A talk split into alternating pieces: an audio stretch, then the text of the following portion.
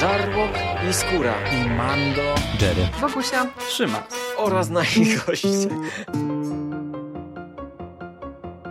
Konglomerat podcastowy. Wasze ulubione podcasty w jednym miejscu. Zapraszamy. Zapraszamy. Zapraszamy. zapraszamy. Zapraszamy.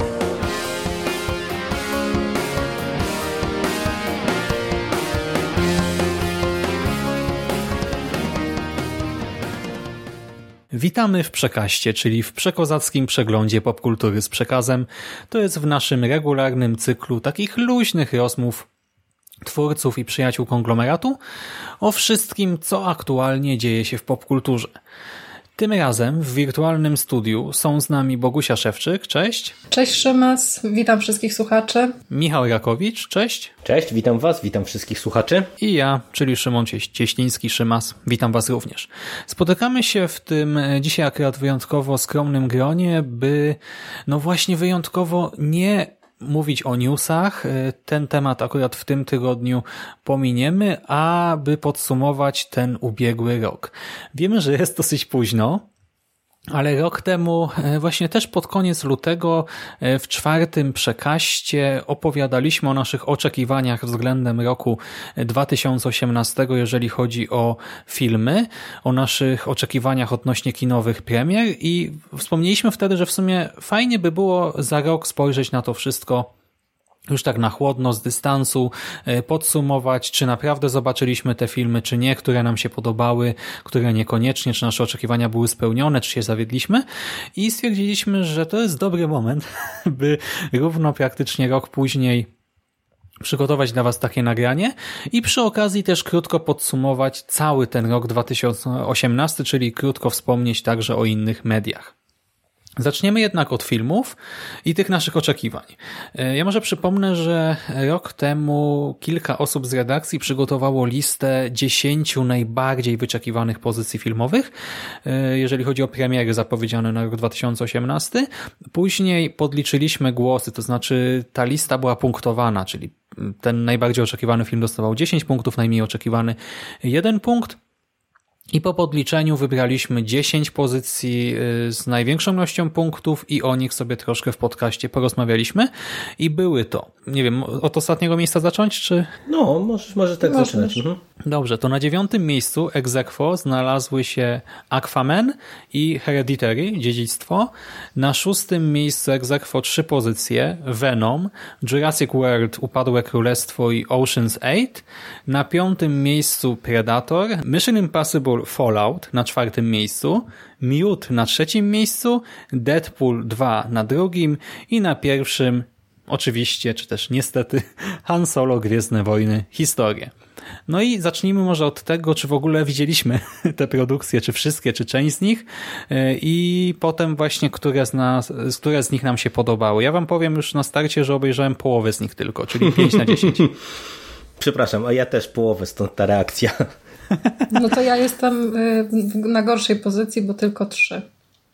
Ale, wow. Tak, ale zamiast tego pooglądałam też inne trochę z polskiego kina, więc może, może się zrehabilituję mówiąc o innych propozycjach spoza listy, jak już będziemy podsumowywać te rzeczy, które zrobiły na nas wrażenie w 2018 roku. No dobrze, to wy na pewno widzieliście Hanna Solo, tak? Nie. No ja tak, ja oczywiście widziałem. E, jest długa moja dyskusja z Mando na temat tego filmu.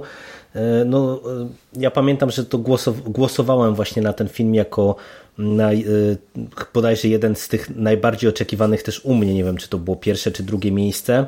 Bodajże pierwsze, bo ten film dostał 30 punktów, czyli 10 od ciebie, 10 od Sika i 10 od Mando najprawdopodobniej. No i ja tak przypomnę tylko swoją opinię pokrótce z tamtego podcastu, że nie zawiodłem się. Ten film miał wybójstą drogę na ekran, o czym wszyscy pamiętamy. Miał bardzo mieszane przyjęcie pośród widzów i krytyki. Natomiast to jest jeden z tych filmów, które ja mam wrażenie, że zyskały mm, trochę drugie życie już po, tym, to, po tej kinowej dystrybucji, w tym sensie, że w tej chwili już po paru nastu w zasadzie miesiącach od premiery ja widzę coraz więcej ciepłych opinii o tym filmie, coraz więcej ludzi jakby dostrzega pozytywy całości. No, ja się na nim bawiłem bardzo dobrze. Uważam, że to był świetny film gwiezdnowojenny, świetny przykład na to, jak inaczej można podejść właśnie do, do tej historii. Zagrała obsada, zagrała w sumie dosyć prosta, ale nieźle pomyślana i skonstruowana historia. No naprawdę, to był udany film i, i po prostu trochę szkoda, że Mm, przez właśnie te perypetie przed e, e, kinowe, że się tak wyrażę, czyli wszystkie te problemy z produkcją i tak dalej, przez e, dużą ilość mieszanych opinii bezpośrednio mm, po seansie, no trochę tkwimy w takim zawieszeniu, jeżeli chodzi o przyszłość tej serii, historię, czyli przyszłość spin-offów. No niemniej e, ja od siebie polecam, jeżeli właśnie nie widzieliście tego filmu, a tutaj domyślam się, że żadne z was, bo, bo Szymasa to nie podejrzewam, że akurat Hanna Solo oglądał. Nie, jeżeli tego filmu nie widzieliście y, i to też kieruję do słuchaczy, a lubicie Gwiezdne Wojny albo lubicie, nie wiem, kino nowej przygody, bo to jest film bardzo mocno w, kin, w duchu y, kina nowej przygody, to zdecydowanie po Hanna Solo warto sięgnąć, no bo to jest po prostu bardzo fajne, rozrywkowe kino. To ode mnie jedna uwaga, jedno pytanie. E, najpierw e, uwaga, e, powiem wam, że no nie oglądałem cały czas Gwiezdnych Wojen, ale no chcąc nie chcąc rozmawiam czasem o nich, czy słyszę, czy też czytam gdzieś rozmowy na ich temat. I rzeczywiście też zauważyłem, to nawet miałem do was napisać, w sensie do Jarego i Mando jakiś czas temu, że ta recepcja chyba trochę się zmienia, że ludzie teraz już bez tego całego hypu, bez tych wszystkich kontrowersji związanych z całym procesem produkcji podchodzą do tego filmu i przy takim spokojnym seansie na chillaucie, tak, e, większość osób teraz chyba jest zadowolona. Przynajmniej takie opinie też do mnie dochodzą, a teraz pytanie, e, to się da w ogóle oglądać jako one shota, w sensie tak, poza jak, jak, jak najbardziej. Jak najbardziej. No,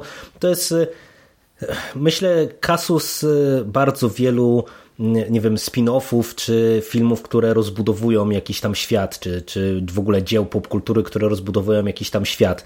Jeżeli siedzisz w Gwiezdnych Wojnach, y, no to po prostu dostaniesz y, dużo kontekstu.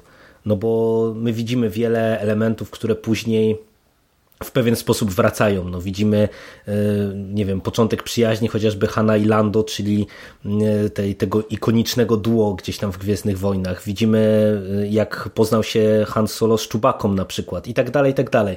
Więc to są takie fajne smaczki, które jeżeli jest się fanem, no to po prostu się człowiek cieszy, że na różnym poziomie dostaliśmy sporo smaczków różnego rodzaju, no bo to też budziło kontrowersje, że tutaj naprawdę mamy parę takich, no wręcz można powiedzieć szokujących w pierwszej chwili mm, nawiązań do, do całego Gwiezdnowojennego uniwersum, ale to są tak rzeczy na tyle dobrze zrobione, że w mojej ocenie spokojnie właśnie można sięgnąć po ten film, jeżeli się nie zna na przykład tych klasycznych y, trylogii, czy, czy klasycznej trylogii i prequeli, y, bo bo ja nie bez przyczyny wspomniałem o tym kinie nowej przygody, bo to jest film po prostu bardzo mocno w duchu tego rodzaju kina, czyli taka fajna przygodówka akcji z fajnymi postaciami, z e, fajną, e, dosyć prostą, ale wciągającą fabułą. No po prostu dobre kino rozrywkowe. Pytam dlatego, że Mando ostatnio omawiając te książeczki dla dzieci, y, coraz częściej wspomina, że teoretycznie one są przystępne, tak, jeżeli chodzi o skomplikowanie fabuły, język i tak dalej, ale jednocześnie są tak mocno osadzone w kontekście, y, że pojawiają się jakieś nazwy własne, nazwy planet, nazwy, nie wiem, ugrupowań, sojuszy czy bohaterów, y, co jest dla dziecka zupełnie niejasne. Się zastanawiam, czy z tym filmem nie jest po prostu podobnie, tak? Nie, że wydaje mi się, że tutaj to jest oderwane, ale... Tutaj jest raczej wyjaśniane wszystko, nie? Czyli jeżeli się pojawiają jakieś jakieś, wiesz, e, nowe nazwy czy, czy nowe planety i tak dalej, to jednak jest nadawany kontekst, a e, jeżeli jakaś nazwa, nie wiem, własna, czy jakaś postać się pojawia i e, nie jest jakoś tam przedstawiona, to myślę, że to jest właśnie w kategoriach smaczków, nie? Czyli fani skumają, nie znasz, mhm. to po prostu no dostaniesz jakąś tam postać, która ci gdzieś mignęła na ekranie i tyle. Zachciało mi się śmiać, Jasne. bo wyobraziłam sobie teraz Szymasa, jak siedzi i czyta książeczki dla dzieci, żeby się wbić w gwiezdnowojenne uniwersum.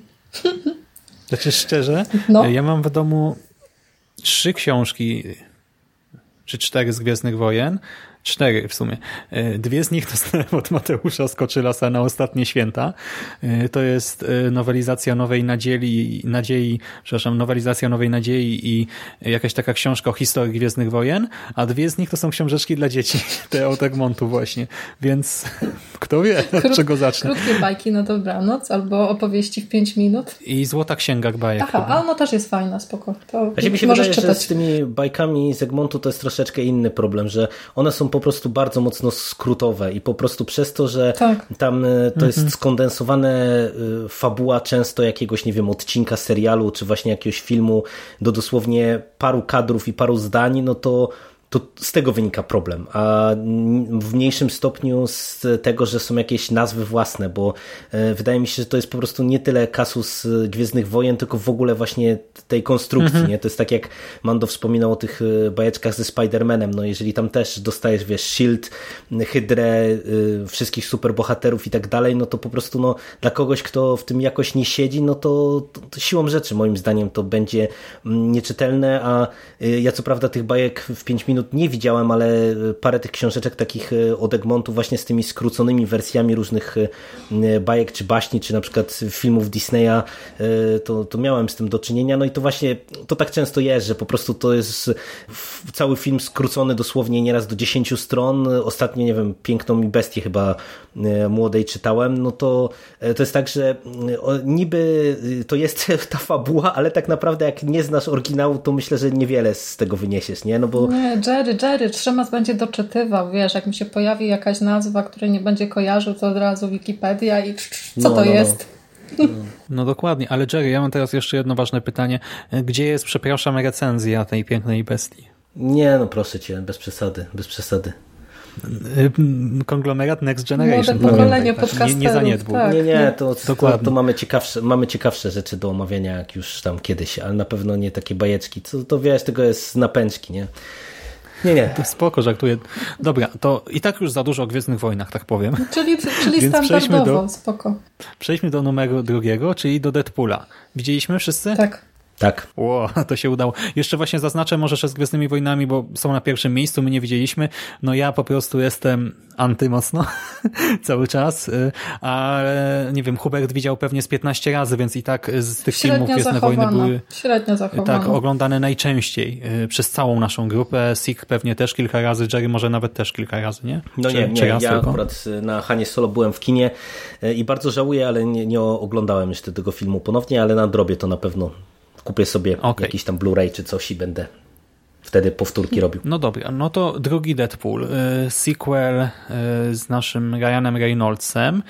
Y, Ja nagrałem chyba solówkę w te, Tak. po seansie i powtórzę tylko, że mnie się podobało, przy czym mniej niż jedynka. W sensie dostrzegam masę problemów, masę rzeczy, które próbowano powtórzyć, na przykład takie długie sekwencje gagów, które w jedynce zagrały bardzo dobrze, nawet te takie żarty trochę niższych lotów, na przykład gdy e, mieliśmy tę scenę e, Boże, jak się nazywał ten kumpel Wade'a? Mm, Ten z baru. Ale nie pamiętam, nie pamiętam. Ale to domyślam się, że masz pewnie na myśli scenę z, twarz. z nogami, tak? Może? E, Właśnie w pierwszej części mieliśmy scenę dotyczącą twarzy i masę komentarzy, że wyglądasz tak i tak, nie? Wyglądasz jakby Freddy Krueger e, przeleciał e, mapę Utah. mapę Utah i mieli razem dziecko i tak dalej. Ale to jakoś zagrało i do tego ja wtedy oglądałem też materiały dodatkowe, oczywiście po powrocie z kina i wiem, że nagrali masę tych gagów, w sensie kilkanaście, kilkadziesiąt, tak i coraz więcej, coraz więcej i potem po prostu odrzucali te, które ich zdaniem, czy tam zdaniem widowni testowej były mniej udane, a w dwójce właśnie mamy tę scenę z nóżkami, które odrastają i to jest tak przeciągnięte i to jest dosłownie identycznie skonstruowane, ale zupełnie nie gra. I też mniej cięć widać, jak gdyby po prostu no chcieli to powtórzyć i też sukces tego powtórzyć, a nie wyszło. Chociaż dwójka też ma świetne rzeczy, na przykład y, ta, ta scena taka finałowa, nie na sam koniec to, co dostajemy, jest super. Y, no ale ostatecznie no, opinie są mieszane i dużo osób też narzeka na ten film, a wy? Ja nie narzekam, mnie się bardzo podobało, chociaż przed seansem miałam pewne obawy, trochę związane z tym, że to może być odgrzewany kotlet, no bo jeśli coś sprawdziło się w pierwszej części, to pójdziemy za ciosem i teraz jak mamy więcej kasy, to zrobimy e, więcej, mocniej, lepiej, ale jakby bazując na tym samym pomyśle. Chociaż wydaje mi się, że Deadpoolowi raczej to nie grozi, bo tam jest e, napakowane tyle żartów, e, że oni jakby samym tym poczuciem humoru w niektórych miejscach będą się dobrze bronić. Ja byłam w kinie. Nie na premierze, ale krótko po. I powiem Wam szczerze, że bardzo wyczekiwałam tego seansu z takim lek lekkim niepokojem, ale jednak. No i bawiłam się znakomicie. W momencie, kiedy na y, dużym ekranie kinowym pojawia się ta sekwencja, y, ale czołówka Jamesa Bonda, to po prostu płakałam ze śmiechu. Mhm. To jak usłyszałam jeszcze, wiesz, wiecie, głos Celine Dion i tę piosenkę i te dolnowate napisy, to po prostu no, nie mogłam się opanować i pomyślałam sobie, że wow, to jest taki Deadpool, jakiego chciałabym zobaczyć. A w porównaniu z jedynką? Jak oceniasz? Wyżej czy gorzej, czy podobnie? To znaczy, Zdaję sobie sprawę, że ten film ma dużo problemów, bo w przypadku drugiego Deadpoola mam wrażenie takiego zbyt nachalnego moralizowania. Ale jednocześnie to jest równoważone właśnie przez ten taki specyficzny humor, więc spoko.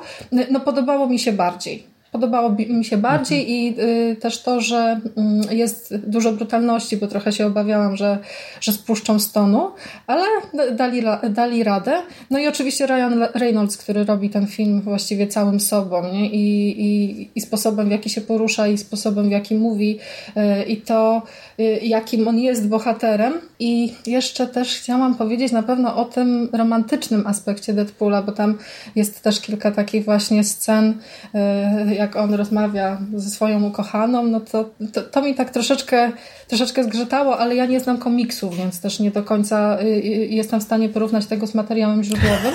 Mm, co, z czego się śmiejesz?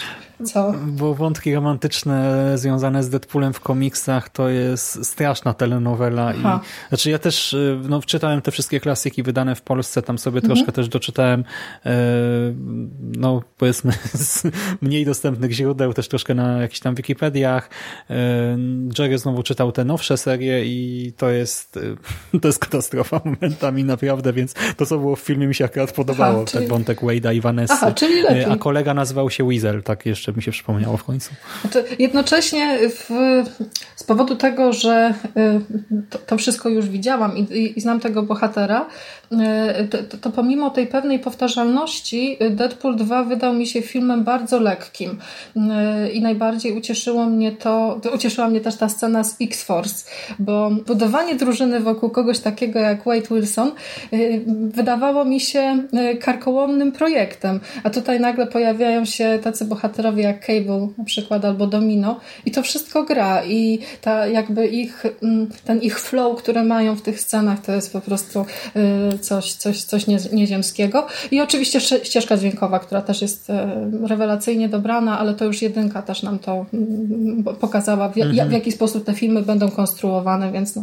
u mnie ogromny plus. Lubię ten film i nawet wystarczy jakaś taka pojedyncza scena, jak mam zły dzień, to sobie czasami na YouTubie oglądam właśnie albo, albo te sekwencje ala James Bond, albo, albo te sceny z X-Force i mam po prostu zrobiony dobry dzień. No ja was tak e, słucham i wam powiem, e, że to jest przykład na bardzo e, skrajnie różną, powiedziałbym, percepcję różnych dzieł kultury, bo dla mnie to jest chyba największe rozczarowanie tego minionego, minionego roku.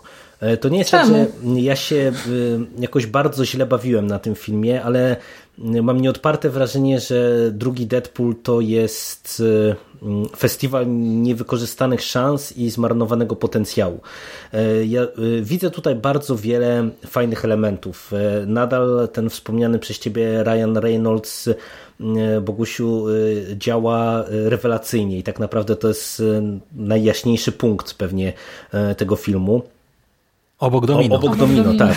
E, zresztą no w ogóle obsada e, cała tu moim zdaniem się spisuje. E, przy czym spisuje się, ale na przykład już właśnie na przykładzie też wspomnianej teraz Domino widać, że to jest trochę tak, że mm, ten film cierpi na bardzo dużo pomysłów, na które nie do końca znalazło się miejsce, nie do końca znalazło się nie wiem, koncepcja na dobre wykonanie i po prostu dla mnie na przykład przykład na przykład. No, dla mnie Domino to jest kasus właśnie takiej, takiego niewykorzystanego wątku, że to jest bardzo fajna postać, fajnie wprowadzona, a mam wrażenie, że tak nie za bardzo ją wykorzystano. I takich. Jerry ma... zrobią trzeci film, będzie ok, zobaczysz, będzie. Ale nie, nie, właśnie. Dobra, to dwie rzeczy od razu. Jerry, a nie masz wrażenia, że e, ten film właśnie nie ma konstrukcji typowej dla filmu, tak momentami, że jest trochę jak właśnie komiks, gdzie nagle pojawia się jakiś wątek, który docelowo ma powrócić kiedyś tam w innym komiksie, postać może otrzyma nawet solową serię czy coś, ale właśnie tutaj e, nagle znika z ekranu i w ogóle on konstrukcyjnie jest bardzo nietypowy, co jest o tyle super, że kampania marketingowa, która w ogóle była świetna, znowu była rozbudowana, zatrudniono, e, czy też zaangażowano masę różnych innych postaci, tak Hugh Jackman, e, mhm. kto tam był, David Beckham w tej kampanii e, i masa innych osób też jakoś tam się przewijała. Znowu były te spoty walentynkowe, był spot chyba z Bobem Rossem i tak dalej, i tak dalej. To było super i kampania ta taka właściwa, czyli zwyczajne trailery, trochę nas oszukiwały, nastawiały nas na ten film o X-Force, a X-Force okazało się, że jest wątkiem w sumie, no może nie marginalnym, ale bardzo szybko uciętym i to w sumie w zabawny sposób, ale to konstrukcje burzy tego filmu i tutaj jest sporo takich rzeczy, że już się spodziewamy, że fabuła pójdzie w jakimś kierunku, a ta nitka nagle gdzieś skręca, czy właśnie zanika, czy coś takiego. Tak jakbyśmy czytali właśnie kolejne zeszyty i nagle coś, e, żeby poznać tę historię, to nie wiem, sięgnij po inną serię. Tak, tak pewnie jest, natomiast no to jest dla mnie niestety wada, bo ja tego nie odbieram jako coś, co jest e, świadome, tylko po prostu wydaje mi się, że to jest kwestia tego przeładowania. No, ja naprawdę miałem poczucie, że tu jest e, od cholery wątków, a ten film mi się dłużył. E, I to jest tak, że tu są naprawdę świetne sceny i zaraz po nich mamy gagi, które dla mnie zupełnie nie, nie działały. I i nie wiem, no dla mnie to jest film naprawdę szalenie problematyczny, bo nawet y, w zasadzie jakbym go rozbierał na części pierwsze, to na każdy plus znalazłbym od razu minus, nie? Bo mamy nie. sekwencje akcji, które są e, z jednej strony super e, momentami, z drugiej strony też są całe sekwencje, które mam wrażenie nie do końca są wykorzystane, czy nie do końca był pomysł na to, jak to zrealizować. Kwestia tego X-Force mm, to y, niby jest w porządku, że y, trochę się tak z nas ponaigrywano, ale dla mnie to, że tak naprawdę y, wszystko zdradzono w trailerach i tak już wszyscy o tym mówili, że to pewnie do tego zmierza, to też jest dla mnie minus, nie? No bo y, tego nie powinno być w trailerach. Ale do czego? Nie? Bo właśnie mnie się wydawało, że trailery nam sugerują, że drużyna się uformuje no nie, i będzie mogą nie, właśnie, na misji. Właśnie dla mnie e, całe, całe te trailery były tak skonstruowane, że ja już naprawdę widziałem przed filmem dosyć jednoznaczne opinie, że dokładnie tak jak w filmie to się kończy, czyli że tak naprawdę X-Force znika zanim tak poprawdzie zdążyło się uformować, e, że tak to będzie rozegrane i przez to e, ja miałem autentycznie takie poczucie zawodu, że wiecie, że jednak to się okazało prawdą, no bo... A ja się totalnie zdziwiłem, no nie, ja ci powiem, to... że byłem w szoku, gdy się okazało, że nie, ja, ja dokładnie, dokładnie tego się spodziewałem i niestety to dostałem I, i wiecie, to jest naprawdę bardzo dużo takich, mówię, różnorodnych pomysłów i przez to ten film jest koszmarnie nierówny. To są naprawdę świetne sceny, nie? Świetne żarty, y, nie wiem, z Batmanem na przykład, jeden z moich ulubionych żartów w tym drugim Deadpoolu, ale y, jedynka y, jest dla mnie filmem kapitalnym, naprawdę. Ja e, jedynkę widziałem już chyba z 10 razy i za każdym razem bawi mnie tak samo.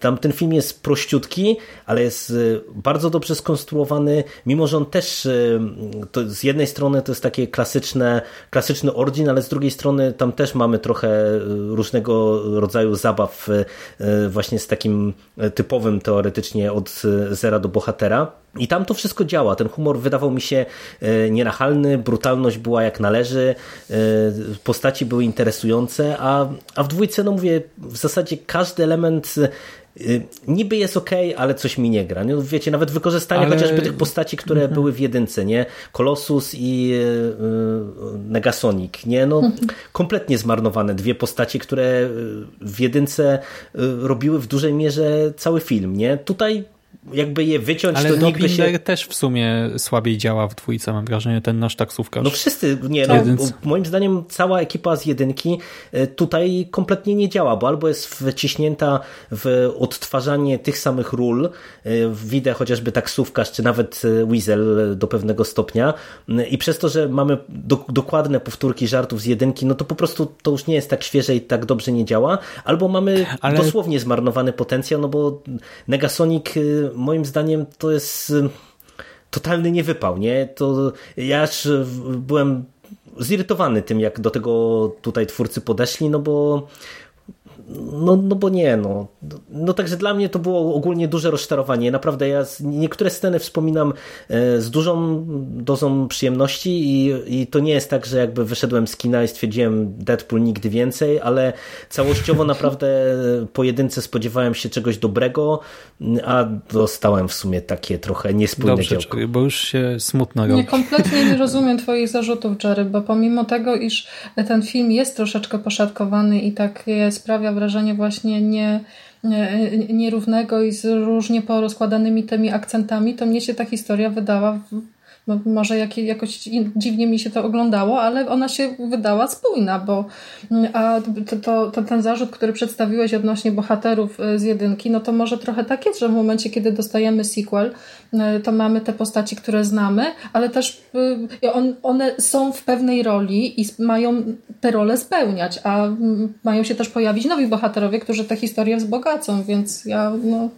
nie, nie, nie rozumiem. Ja się bawił, nie, bawiłam fantastycznie po prostu na, na drugim Ja jestem, jestem po Jakbyśmy środku. widzieli zupełnie różne filmy. No, tak? znaczy wiesz, ja Nie? nie, nie mam zamiaru was tutaj przekonywać, bo mówię, myślę, że to jest po prostu kwestia percepcji. No to jest tak, że ja, ja e, zasadniczo ja widziałem, że widzowie się podzielili na tych, którzy stoją na stanowisku, że e, jedynka to w sumie nie, ale dwójka jest właśnie fajna i że w końcu tam rozwinięto postać i pociągnięto to tak jak należy i, i raczej na tych, którzy uważają odwrotnie, no ja jestem zdecydowanie team jedynka i no, no i cóż, no mówię, ja się rozczarowałem, ale też nie, nie będę tutaj się wykłócał, jak się komuś to podobało i tyle. No ja jestem team cały Deadpool, więc cokolwiek zrobią, to będzie dobrze. Mhm. E, To ja jeszcze może, skoro już o tym mówimy i Bogusia wspomniała o trzecim filmie, e, bo teoretycznie mogą powstać dwa, tak? Może powstać X-Force i może powstać Deadpool 3 i w Polsce jakiś czas temu krążyły newsy, e, że trzeci Deadpool to będzie e, PG-13 czy coś takiego.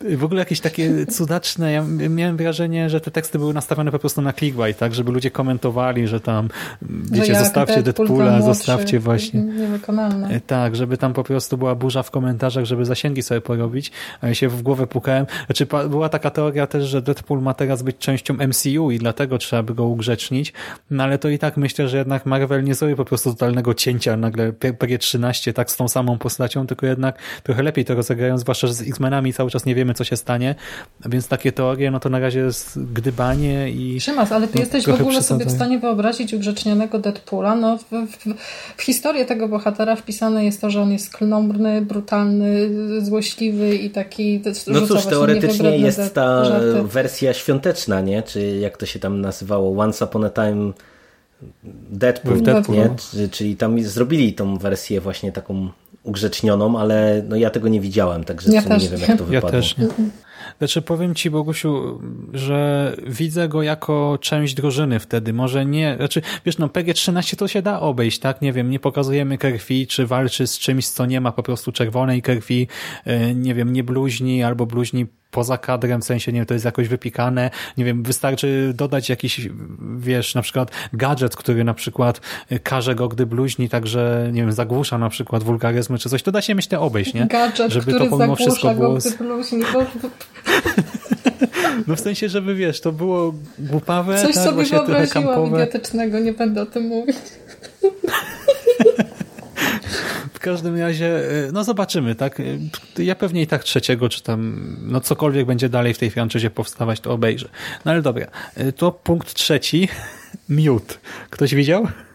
Nie? Nie było. Nie było w kinie u nas niestety. Nie, Był- nie, bo to Netflix, Bogusiu. Miód to jest Netflix, e, tylko podejrzewam, że mogła się ominąć, bo ten film to jest jeden z tych przypadków, na który wielu czekało, w sensie na film, wielu czekało, ale on miał tak przekoszmarne recenzje, że podejrzewam, że właśnie z oglądaniem tego, tego filmu to już mogło być różnie, bo ja go odpuściłem właśnie z tego względu.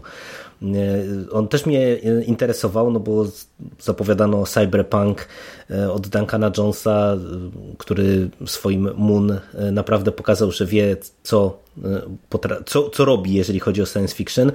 Natomiast no, ja chyba nie widziałem żadnej pozytywnej opinii na temat tego filmu i odpuściłem. Czyli Szymas, pewnie ty widziałeś. Nie, Też ja w ogóle nie? na ten film nie głosowałem. Ja, coś mi mignęło właśnie, jak gdy przeglądałem trailery sobie rok temu e, pod kątem Necropolitana, nawiedzonego podcastu, e, ale ja totalnie, znaczy wiedziałem, że w ogóle chyba było już po premierze, jak my nagrywaliśmy z tym Mute, no ale tam większość osób u nas, w sensie no Mando, e, Jerry, Sig wrzucili to na swoją listę, dlatego jest tak wysoko ostatecznie, nie, to, ale to ja się nawet nie nastawiałem wtedy. Nawet było tak, że to chyba było u jednej osoby po prostu bardzo wysoko. Nie wiem, czy Siku na to nie głosował. Nie, nie mogło być musiało być u co najmniej dwóch mm, i to też w miarę wysoko. Dobra, to Mission Impossible Fallout. Wszyscy widzieli, mam nadzieję. Nie. Ojej. Nie, nie widziałam, naprawdę. Ale Bogusiu, nie, nie jesteś e, fanką serii, czy... Nie. Wow. Mam zawał. Ale nie, na, naprawdę nie, nie, jesteś, nie, jesteś fanką serii w ogóle? Nie lubisz, czy nie, czy nie oglądałaś? Dwa czy... pierwsze filmy widziałam i potem jakoś tak, y, ja średnio lubię Toma Cruza. To już o, od okay, kiedyś o tym mówiłam rozumiem. i to mhm. jest głównie ten, ten powód, dla którego... Znaczy, zdaję sobie sprawę z tego, że Mission Impossible to są świetne akcyjniaki i na pewno mhm. ogląda się to bardzo dobrze, tylko jakoś tak dobrze. Jeśli chciałabym zobaczyć ten nowy film, to trzeba by ponadrabiać wszystkie wcześniejsze, a jakoś y, mam, wiecie, my mamy masę rzeczy do oglądania, więc może kiedyś obiecuję, żeby Szymasowi już ten zawał przeszedł. No, znaczy my z Jarem chyba nagraliśmy tak, duet, tak, nie? dokładnie. O tym filmie. Ja zrobiłem event na konglomeracie podcastowym i omówiłem wszystkie części yy, Szczypy Szklanej Pułapki przez moment, nie wiem dlaczego, wszystkie części Mission Impossible yy, i wszystkie mi się podobały, tak może przypomnę w skrócie, a ta najnowsza część, no kurczę, w kinie to było niesamowite doświadczenie, to naprawdę świetnie wygląda yy, na wielkim ekranie. I czekam na kolejne części, już są zapowiedziane yy, część, która siódma i ósma. Czyli trzeba I nadrobić. Yy, znaczy, wiesz, no trzeba, nie trzeba. No jeżeli ktoś lubi akcyjniaki dobre, no to trzeba, tak? Jeżeli ktoś w ogóle tego kina nie śledzi, no to wtedy no, obędzie się bez tego, ale no myślę, że warto dać szansę yy, i wtedy właśnie pójść do kina, bo na wielkim ekranie to robi jednak zupełnie inne wrażenie mm -hmm. niż, nie wiem, na telewizorze w domu. No, no zdecydowanie. To są takie no, filmy... Dbają tak naprawdę od samego początku, żeby było w każdym z tych filmów parę takich scen, które są robione typowo pod kino, żeby naprawdę zrobić na widzach wrażenie, nie? To tam scena w mhm. wieżowcu, tutaj scena w górach, w szóstce, w piątce też było przecież parę takich elementów, także no to, to są zdecydowanie filmy godne uwagi, a e, u mnie pamiętam Fallout był wysoko i absolutnie się nie zawiodłem też tak e, dla przypomnienia Świetny film, ja się bardzo, bardzo cieszę, że oni już oficjalnie potwierdzili te dwa kolejne filmy.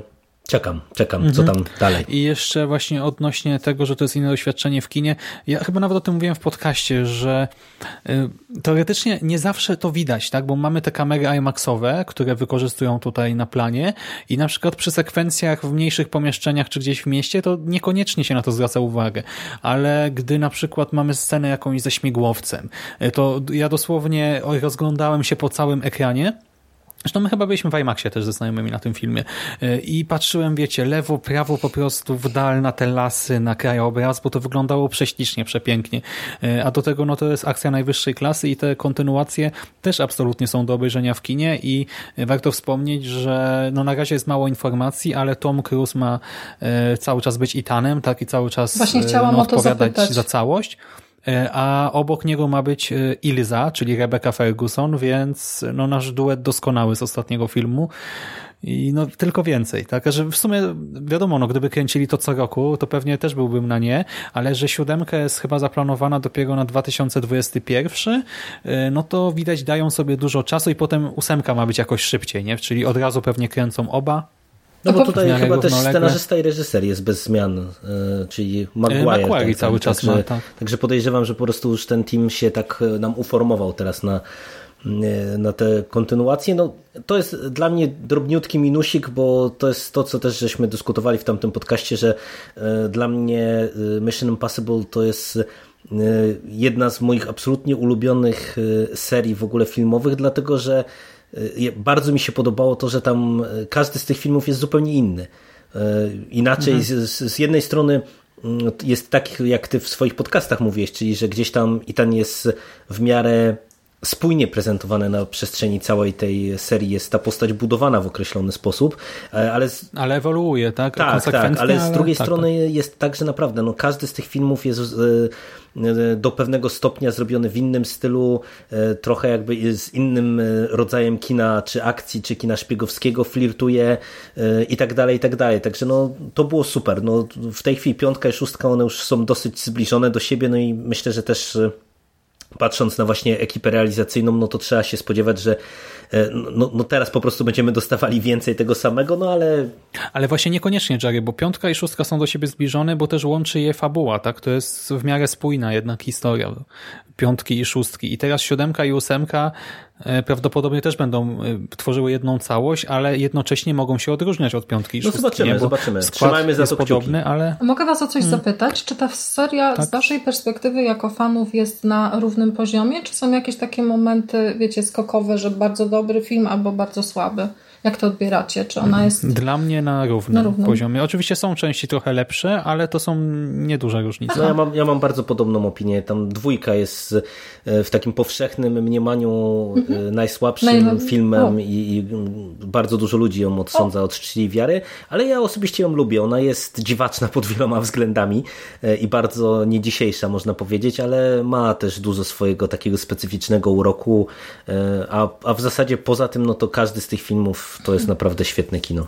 No, dzięki. No dobra, to skoro mowa o specyficznym uroku, e, kolejne miejsce Predator. Ja odpuściłam celowo, bo y, przeczytałam tyle negatywnych recenzji i tyle komentarzy, które y, miały taki wydźwięk, że o, jaka fajna komedia, że stwierdziłam, że pomimo tego, iż uwielbiam Predatora, to po prostu nie zrobię sobie, sobie tego. Wolę zapomnieć tę postać jako, zapamiętać tę postać jako właśnie taką, no, z, tych, z tego pierwszego filmu i ewentualnie drugiego, a tutaj ach, boję się bardzo i nie wiem, czy kiedykolwiek w ogóle do tego filmu e, przysiądę. No ja z kolei mam tak, że to jest mój największy kinowy wyrzut sumienia z minionego roku, bo ja bardzo chciałem trafić do kina nie, nie tylko ze względu na Predatora, a może nawet w drugiej kolejności ze względu na Predatora, ale przede wszystkim dla Shane'a Blacka, bo ja uwielbiam to, to, co on robi. W zasadzie wszystkie filmy mm, przez niego nakręcone to jest czyste złoto z moim absolutnie ukochanym ostatnim skautem na czele. I ja bardzo chciałem dotrzeć na ten film do kina, nie dane mi było, a teraz to już tak czekam spokojnie, aż się pewnie w jakimś streamingu y, pojawi, wtedy sobie nadrobię, bo mnie osobiście akurat Mm, to, że to jest film taki mocno przerysowany z dużą ilością elementów komediowych, to wydaje mi się, że to mogłoby mi podpasować, bo mm, też mi się wydaje, że Predator jest w sumie dosyć takim, taką nierówną serią i ja nie mam problemu z tym, żeby tutaj zrobić coś innego w tym uniwersum, no ale to z oceną się wstrzymam. Mm, to w ogóle jest absurdalna sytuacja, bo ja ten film widziałem i to jest najgłupszy film ostatnich lat pod każdym możliwym względem i teraz jak o tym myślę, to się śmieję, ale dla mnie seans był bardzo bolesny, powiem wam. A widziałeś Strasznie wcześniejsze części? Zawiodł. Przepraszam, Szymon, że wpadam słowo. Widziałeś tak, wcześniejsze? ale tak, tak, tak, widziałem. I podobały się? Y, I tak, podobały mi się, ale znaczy nie wiem, może też źle je pamiętam, bo no, oglądałem je wielokrotnie za dzieciaka. Mhm. Nie widziałem tej Predators, y, tej z Andrew Brody. Z Andrew tak? Brody, aha. Tak, najgorzej tak? obsadzonym e, tak. aktorem kina akcji w historii kina. Zdecydowanie. Mhm, e, tej jednej nie widziałem, ale tutaj słuchajcie, ten film przeskakuje rekina, właśnie nie, on go przeskakuje, e, pożera żywcem, wypluwa, ponownie go przeskakuje i tak do końca, e, bo z jednej strony on jest świadomie głupi, kampowy, przerysowany, kiczowaty, nawiązuje do innych produkcji kina akcji w taki po prostu sposób, że jakby, jakby ktoś kręcił parodię. I no Prostu, jak o tym wszystkim myślę, co tam widziałem. Tam jest jedna z takich pierwszych sekwencji, gdzie e, grupa tych naszych wojskowych z panią doktor się spotyka. To jest ciąg takich absurdów, że każda kolejna sekunda sprawia, że się łapiecie za głowę i po prostu otwieracie oczy i albo e, myślicie sobie, Boże, co ja robię z moim życiem, albo się doskonale bawicie i się śmiejecie w głos. E, I myślę, że można się bawić na tym doskonale, jeżeli właśnie się do tego podejdzie na pełnym luzie i będzie się wiedziało co i jak. E, jeżeli, nie wiem, obejrzymy to sobie ze znajomymi gdzieś tam na imprezie do, wiecie, chipsów, ciastek, kawy, piwa, e, ale jednocześnie ten film e, ma w sobie jakiś taki pokład patetyzmu e, i takiego właśnie udawania, że jednak jestem poważnym filmem akcji i mnie się to strasznie gryzło. W sensie e, z jednej strony mamy sceny, które są totalnym kabaretem, nie wiem, gdy na przykład werbują naszą panią doktor, to jakiś facet wysiada tam z rządu i mu podchodzi e, dzień dobry, fascynują panią gwiazdozbiory, moi ludzie zajmą się psem, proszę za mną, nie? A my tak patrzymy na ekran co on powiedział przed chwilą, nie czemu, w ogóle o co chodzi. Potem zastanawiałem się, jak nazwać Predatora na przykład, nie? I nagle ktoś mówi, no myślę, że Predator to będzie fajniejsza nazwa, co nie? No zajebista! I patrzycie na ekran i znowu, te dialogi są jak właśnie z parodii takiej kręconej na YouTube czy coś. E, akcja, e, no dużo się tutaj dzieje, mamy też, nie wiem, Preda psy, jeżeli tak to mogę ująć, e, takie właśnie, no stworzenia będące psami predatorów. E, mamy w ogóle sama ta nasza ekipa, nie? To tam to są ludzie w dużej mierze chorzy psychicznie, e, co z jednej strony e, daje duży pokład do tych żartów, z drugiej strony jest trochę niesmaczne momentami, bo no, to jest trochę beka jednak z ludzi chorych psychicznych, psychicznie na ekranie. Też masa humoru dotyczącego autyzmu, właśnie życia seksualnego. Nie wiem, w pewnym momencie pada tekst. Słuchajcie, teoretycznie, gdyby Forrest Gump przeczytał opis na pudełku czekoladek, to wiedziałby, co mu się trafi. I mamy właśnie takie jakieś one-linery. Y, czasem one są trafione, także naprawdę się śmiejemy. Czasem tak sobie myślimy, Boże, kto to wpisał w scenariusz? I ostatecznie no ja się zawiodłem, ale jeżeli Jerry się nastawi z góry na komedię yy, i na właśnie taką jazdę bez trzymanki, bo wiadomo, tam też jest akcja i wszystko, ale to jednak trochę schodzi na dalszy plan. Więcej jest tych gagów, yy, najdziwniejszych po prostu. Y, gagów i jest tak dziwaczny wątek romansowy, że po prostu jak w finale rozumiemy, kto się w kim zakochał, to też no nie brak słów teraz. Miałem nagrać recenzję, ale po prostu w notatkach Wymiękłeś. miałem tylko y, jakiś tam właśnie cytat XD, jakiś tam opis sceny XD i tak sobie notatki robiłem. No to widzisz, prostu... to jak, jak w końcu nadrobię, to może się zmobilizujemy i pogadamy coś więcej. Może, bo... Ja posłucham i nie obejrzę. Tylko się będę śmiał. Ale właśnie ciężko jest to polecić tak globalnie, bo jeżeli ktokolwiek się nastawi jakkolwiek na coś e, takiego w miarę realistycznego, e, mimo tego, że to jest Predator, ale w sensie, że tam chociażby związki przyczynowo-skutkowe, tak, w fa e, fabule, że bohaterowie będą postępować logicznie czy coś, jeżeli się na to nastawimy, to absolutnie tego nie dostaniemy.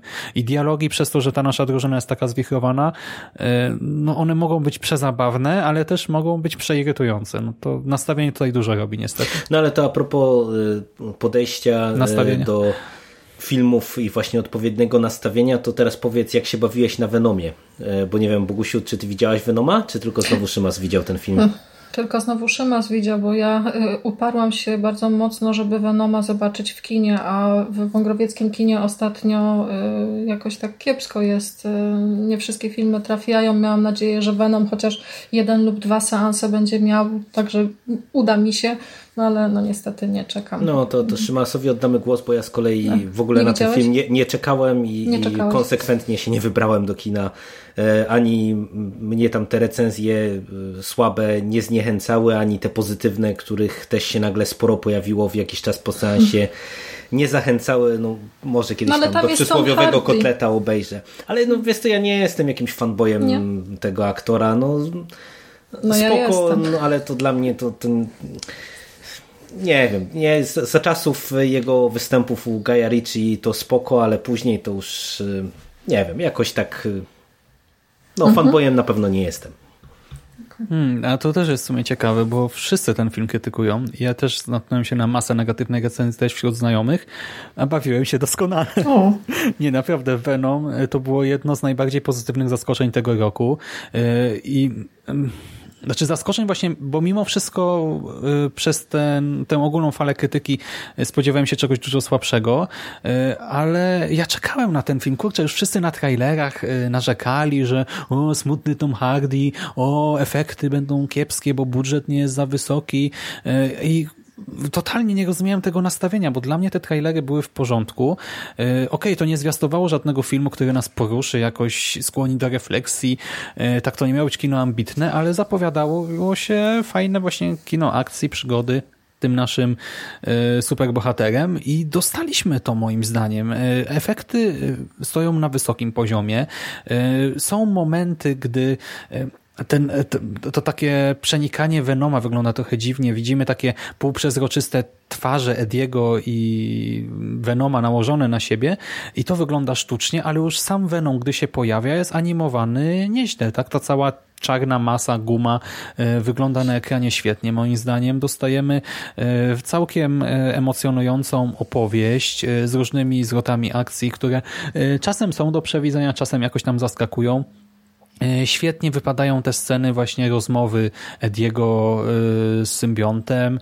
E, dostajemy też finał, który wygląda w miarę efektownie, widowiskowo i też mamy taki, taki zwrot akcji, który no, mnie poruszył okej, okay, no ja się wzruszam często, ale że na Venomie też mi się łza w oku zakręci, to bym się nie spodziewał. Y, I pod koniec jeszcze jeden zwrot akcji, sporo humoru, świetne cameo y, Stana Lee, y, też dobra scena po napisach, którą Jerry strasznie hejtuje, wiem. Nie, dla mnie Venom to było bardzo pozytywne zaskoczenie, ja polecam. No to cóż, nic, nic tutaj nie dodamy. Myślę, że możemy przejść do kolejnego punktu i pytanie, czy ktoś widział Jurassic World Upadłe Królestwo z naszej trójki. Ja bojkotowałem od początku, bo mnie się pierwsza część strasznie nie podobała. Za kilka rzeczy, tak, ale strasznie się zawiodłem, więc na dwójkę nawet nie chciałem iść. Bogusiu? No ja, ja, też, ja też nie posłuchałam recenzji Szymasa, a potem stwierdziłam, że się myli i obejrzę sobie ten film sama i doszłam do wniosku, że Szymas miał rację i Jurassic World jednak, jednak nie. Pamiętam legendę tych pierwszych filmów, które się oglądało za dzieciaka i zresztą mm, po dziś dzień bardzo chętnie do nich wracam, także wolę sobie e, nie robić krzywdy i zapamiętać to tak, jak było w tej starej No cóż, ja jedynkę w sensie Jurassic World y, wspominam całkiem dobrze. Mi się ten film w przeciwieństwie do y, was, y, w sumie tutaj dwojga, podobał, natomiast no też ni niestety u mnie z dojściem do kina bywa różnie w ostatnim czasie i chciałem, ale nie dotarłem ostatecznie, także... Ale chyba nikt z nas nie widział z redakcji, no chyba, nie wiem, może chyba, Mando też no, się nie chwalił. Mando chyba też nie dobił. No niestety no, my wszyscy cierpimy Kiepsko. w dużej mierze na y, problem właśnie z dotarciem do kina y, ostatnimi czasy, więc ja pewnie sobie też ten film nadrobię, jak już kiedyś tam się go doczekamy. Ale wiecie, to jest na jakimś sprawa. Netflixie. Bo ja mam na przykład założenie takie i to już od trzech lat, że średnio raz w miesiącu muszę pójść do kina. Tylko jakoś tak się dziwnie składa, że chodzę na inne filmy po prostu. Albo w moim kinie mhm. nie ma na przykład tych, które, y, które są podane tutaj na tej, na tej naszej dzisiejszej liście, więc to takie dziwne zrządzenie losu, bo teoretycznie mogłabym... Ale dotarłaś Dotarłam. na kolejny film z listy. Tak, a wy? No nie, nie. to jest, ja, ja, ja, taką mam melodię w tym podcaście. Też chciałem dotrzeć na ten film, ale niestety się nie udało. No ale o to opowiedz nam, Bogusiu. E, czy było warto czekać na Ocean's 8? Bo ja ostrzyłem sobie trochę zęby na, na ten film. Z Ocean's 8 jest jeden podstawowy pro problem, bo wydaje mi się, że ta opowieść to jest taki samograj, który totalnie nie wypalił. No bo ja o takim filmie jak Ocean's 8 marzyłam od momentu, kiedy obejrzałam po tą pierwszą trylogię. Stwierdziłam sobie, że kurczę, te filmy są tak dynamiczne, y, takie pomysłowe i takie wariackie, że fajnie byłoby zobaczyć, jak y, wypadłoby to wszystko, żeby zamiast facetów stawić kobiety, takie zrobić z tego właśnie buddy movies, tylko że z domieszką girl power. Mm, i może trochę kina feministycznego. Natomiast e, to, co dostajemy mm, w Ocean's 8, no to jest przede wszystkim bardzo leniwy scenariusz. E, i niewykorzystany, poten, niewykorzystany potencjał, jeśli chodzi o aktorki, bo e, w momencie, kiedy zobaczyłam pierwszy zwiastun i zapowiedzi tego filmu i zobaczyłam obsadę, no to pomyślałam sobie, że to jest kolejny właśnie taki punkt, który może spowodować, że ten film odniesie ogromny sukces. No bo tam, wiecie, mamy Sandrę Bullock, Kate Blanchett, Rihanna, Sarah Paulson, Helena Bonham Carter, no to to są świetne nazwiska. Anne Hathaway. Tak, mhm. też, właśnie, ale ona akurat tam wypada w miarę dobrze, ponieważ tworzy postać taką troszeczkę karykaturalną, właśnie przerysowaną. To taka e, celebrytka przekolorowana trochę i, i to akurat e, w całej fabule tego filmu w, w, w miarę możliwości się sprawdza. Natomiast już na pierwszej scenie, kiedy Sandra Bullock z tą swoją właśnie taką, e, ja nie wiem kto jej zrobił, czy, kto, kto jej to zrobił, czy to jest jakiś taki nieudolny makijaż, czy po prostu jakaś kiepska operacja plastyczna, ale jest scena, którą widzimy na zwiastunie, jak ona siedzi w więzieniu i i tam odpowiada na różne pytania, jest po prostu taka zła, bo ona w ogóle, ta, ta, jej twarz to taka maska, która nie ma po prostu wyrazu i tak sobie patrzyłam na to w kinie i tak myślę, okej, okay, jest jeszcze nadzieja. Ale nie, nie, nie.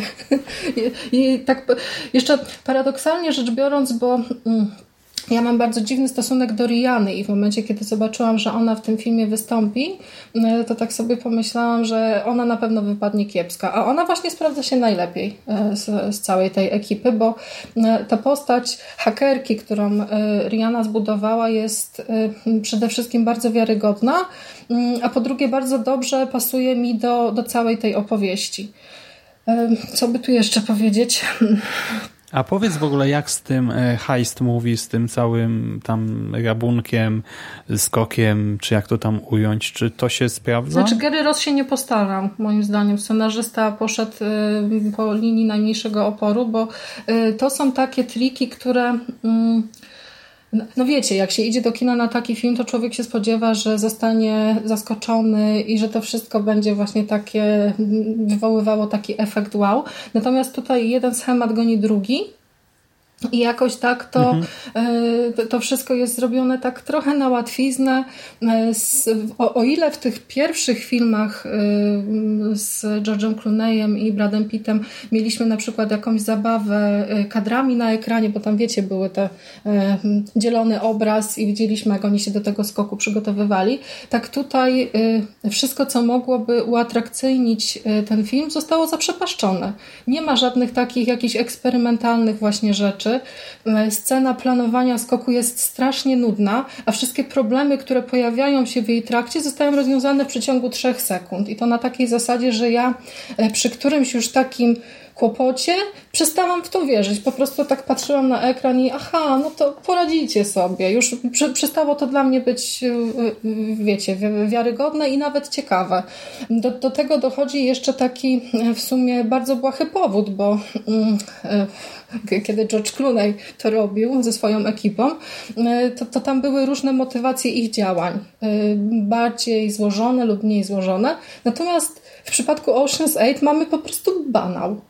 I to chyba też jest taki jakiś e, zarzut, który e, będę wytaczać bardzo, bardzo mocno, bo w przypadku tego kina feministycznego trochę, no to można by się pobawić tymi, e, tymi motywami, pokazać, jakie te kobiety są złożone i, mm, i w ogóle. Natomiast tutaj no, to, to, to, tego nie ma. To jest po prostu. Czyli z motywacją jest problem, mówisz, Ogromny. a czy udało się zróżnicować bohaterki, jeżeli chodzi o sam skok? No bo w poprzednich filmach tak każdy miał jakąś swoją funkcję, swoją specjalizację, czy coś mhm. do pewnego pewnego stopnia przynajmniej. Tak, tu, A tutaj? tutaj? Tutaj też tak jest, tylko na przykład to pewnie będzie spory spoiler, ale e, sam, sam fakt, że e, oni, one kradną e, naszyjnik i na przykład jest dziewczyna odpowiedzialna za rozdzielenie go na części, żeby mogły go wynieść z tego, z tego budynku. Takie, widzicie, to wszystko jest naciągane, takie, takie mam mhm. wrażenie, że niby one mają jakieś talenty, no. ale y, niektóre z nich pojawiają się tam w sumie nie wiadomo po co, tylko po to, żeby ładnie wyglądać na, y, na ekranie. I najgorsze jest też... I na plakacie, i na plakacie, i na plakacie, tak. Ale najgorsze jest też to, że nawet dobre aktorki, takie jak Kate Blanchett czy Sarah Paulson, nie mają po prostu tutaj nic do zagrania bo e, one hmm. robią, robią co mogą, ale niestety tylko wygląda, wyglądając. A Sarah Paulson to w ogóle, w ogóle w moim odczuciu gra z taką jakąś potworną manierą, że no to jest momentami naprawdę, naprawdę nie do zniesienia. I Jak doczytałam ostatnio, przygotowując się do tego podcastu, że mm, ta seria doczeka się prawdopodobnie jeszcze dwóch dodatkowych filmów, to ja jestem na nie.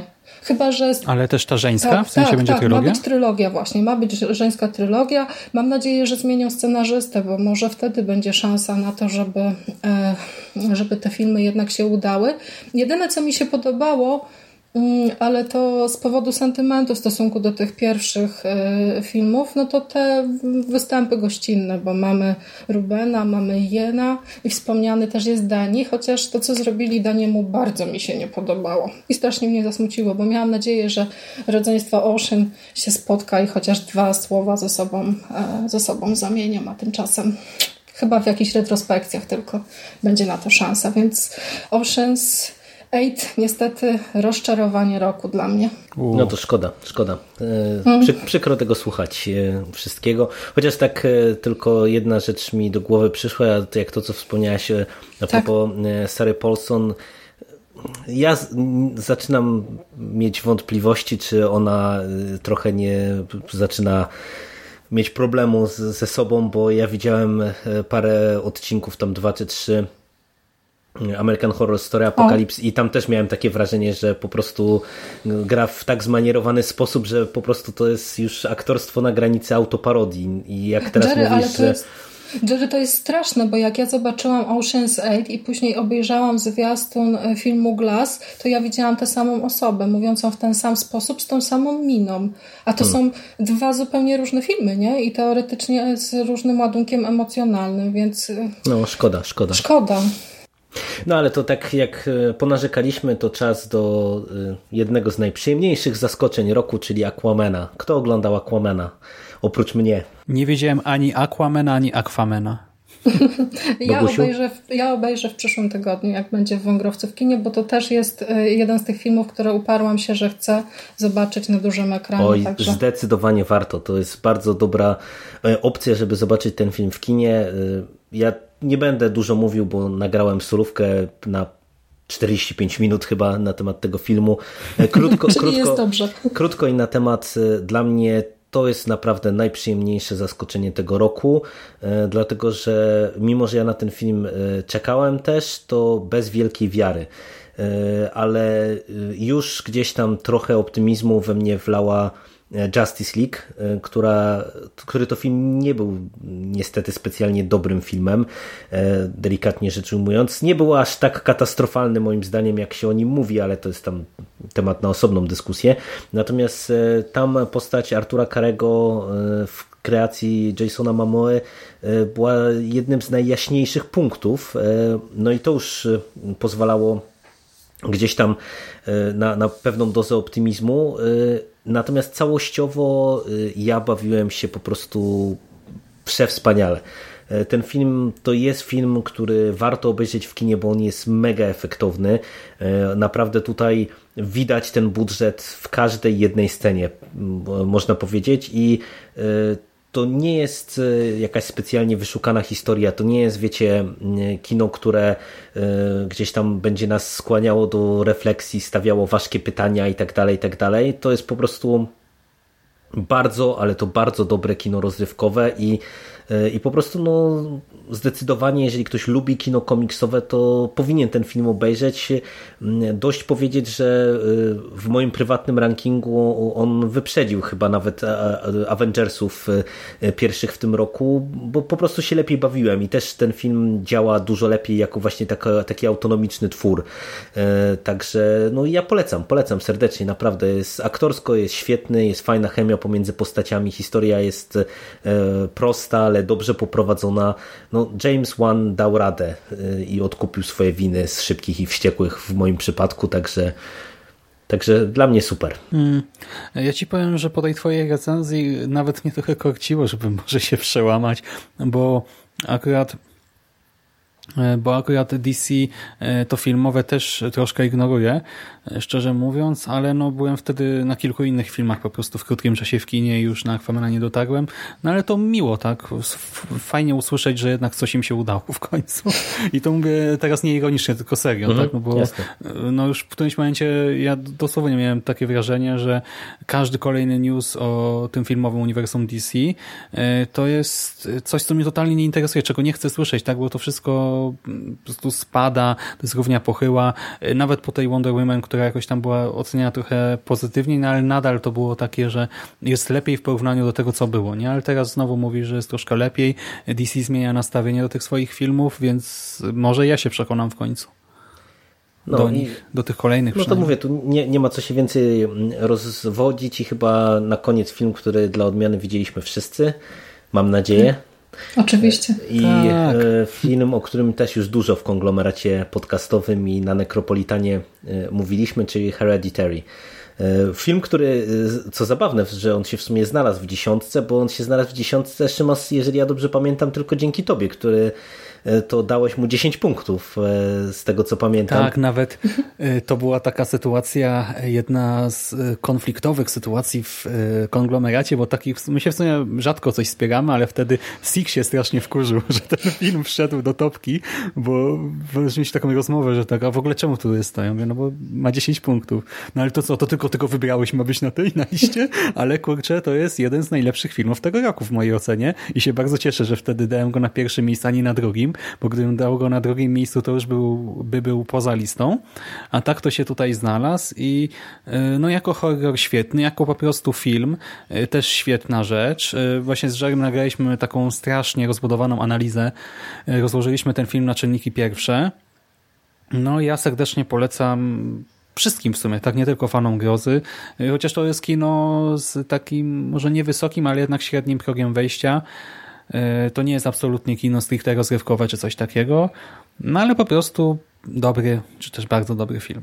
Tak, to jest, to jest fantastyczny przykład na to, że w, w kinie grozy ma się jeszcze, że kino grozy ma jeszcze bardzo dużo ciekawych rzeczy do zaoferowania. Ja Hereditary widziałam w kinie e, i ten efekt, jaki zrobił na mnie ten film, E, no to był piorunujący. Dawno nie miałam takiej sytuacji, że podczas oglądania filmu odczuwałam prawie że fizyczny ból. W niektórych momentach to naprawdę zdarzało mi się krzyczeć, a to mhm. było dość dziwną sprawą, bo e, w momencie, kiedy byłam na seansie, to akurat za plecami miałam grupkę chyba 30 gimnazjalistów, którzy przyjechali na jakieś kolonie, ferie czy coś i stwierdzili, że a, wybierzemy się do kina na horror, nie? I cały czas za pleców do, do, docierały do mnie jakieś dziwne komentarze w stylu, że e, ale kicho, o tu się nic nie dzieje, e, ha, ha, ha, facet sobie biega e, na golasa, o, urwało jej głowę i tak dalej. Ale pomimo właśnie tej całej atmosfery panującej w kinie, e, to ja jednak potrafiłam na tyle e, wyłączyć to wszystko, co się dzieje wokół mnie i skupić się na, e, na tej opowieści i w sumie było, było warto. Kupiłam sobie ostatnio DVD z tym filmem i prawdę powiedziawszy trochę boję się do niego, e, do niego wracać, bo ja jeszcze teraz na wspomnienie niektórych scen mam po prostu w sobie takie wiecie, wszystkie mięśnie mi się napinają, ręce się trzęsą. No właśnie, no właśnie, no nie rób tak. Proszę. No i to y, zastanawiam się, jak zmieni się postrzeganie y, tej historii, kiedy będę ją oglądała na mniejszym ekranie. Na pewno sprawdzę. I świadomie też, nie? I świadomie już, już tak, już wiedząc do, do, do, do, czego cała ta, y, cała ta historia prowadzi. Na pewno, na pewno zerknę na ten film jeszcze, jeszcze nie raz, ale tak, Hereditary to jest no, prawdziwa petarda i cieszę się, że miałam okazję zobaczyć, zobaczyć ten film na dużym ekranie, bo to, co zrobili tam ze scenografią, i z tymi właśnie miniaturkami i kompozycje wizualne niektórych scen, no to jest po prostu majstersztyk. No, ja wiele tutaj nie, nie będę dodawał.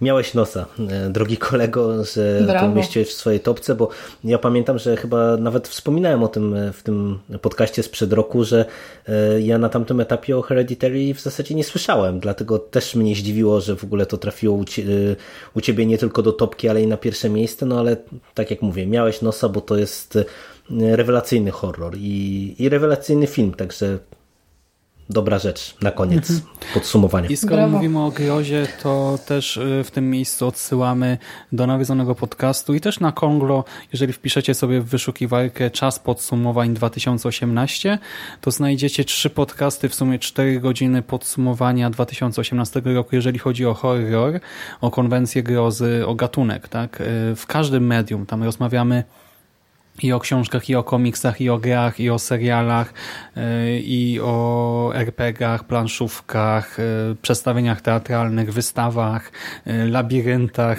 takich w prawdziwym świecie i o masie innych rzeczy. Naprawdę ciekawe zestawienie wyszło, więc też odsyłamy wszystkich fanów grozy tam.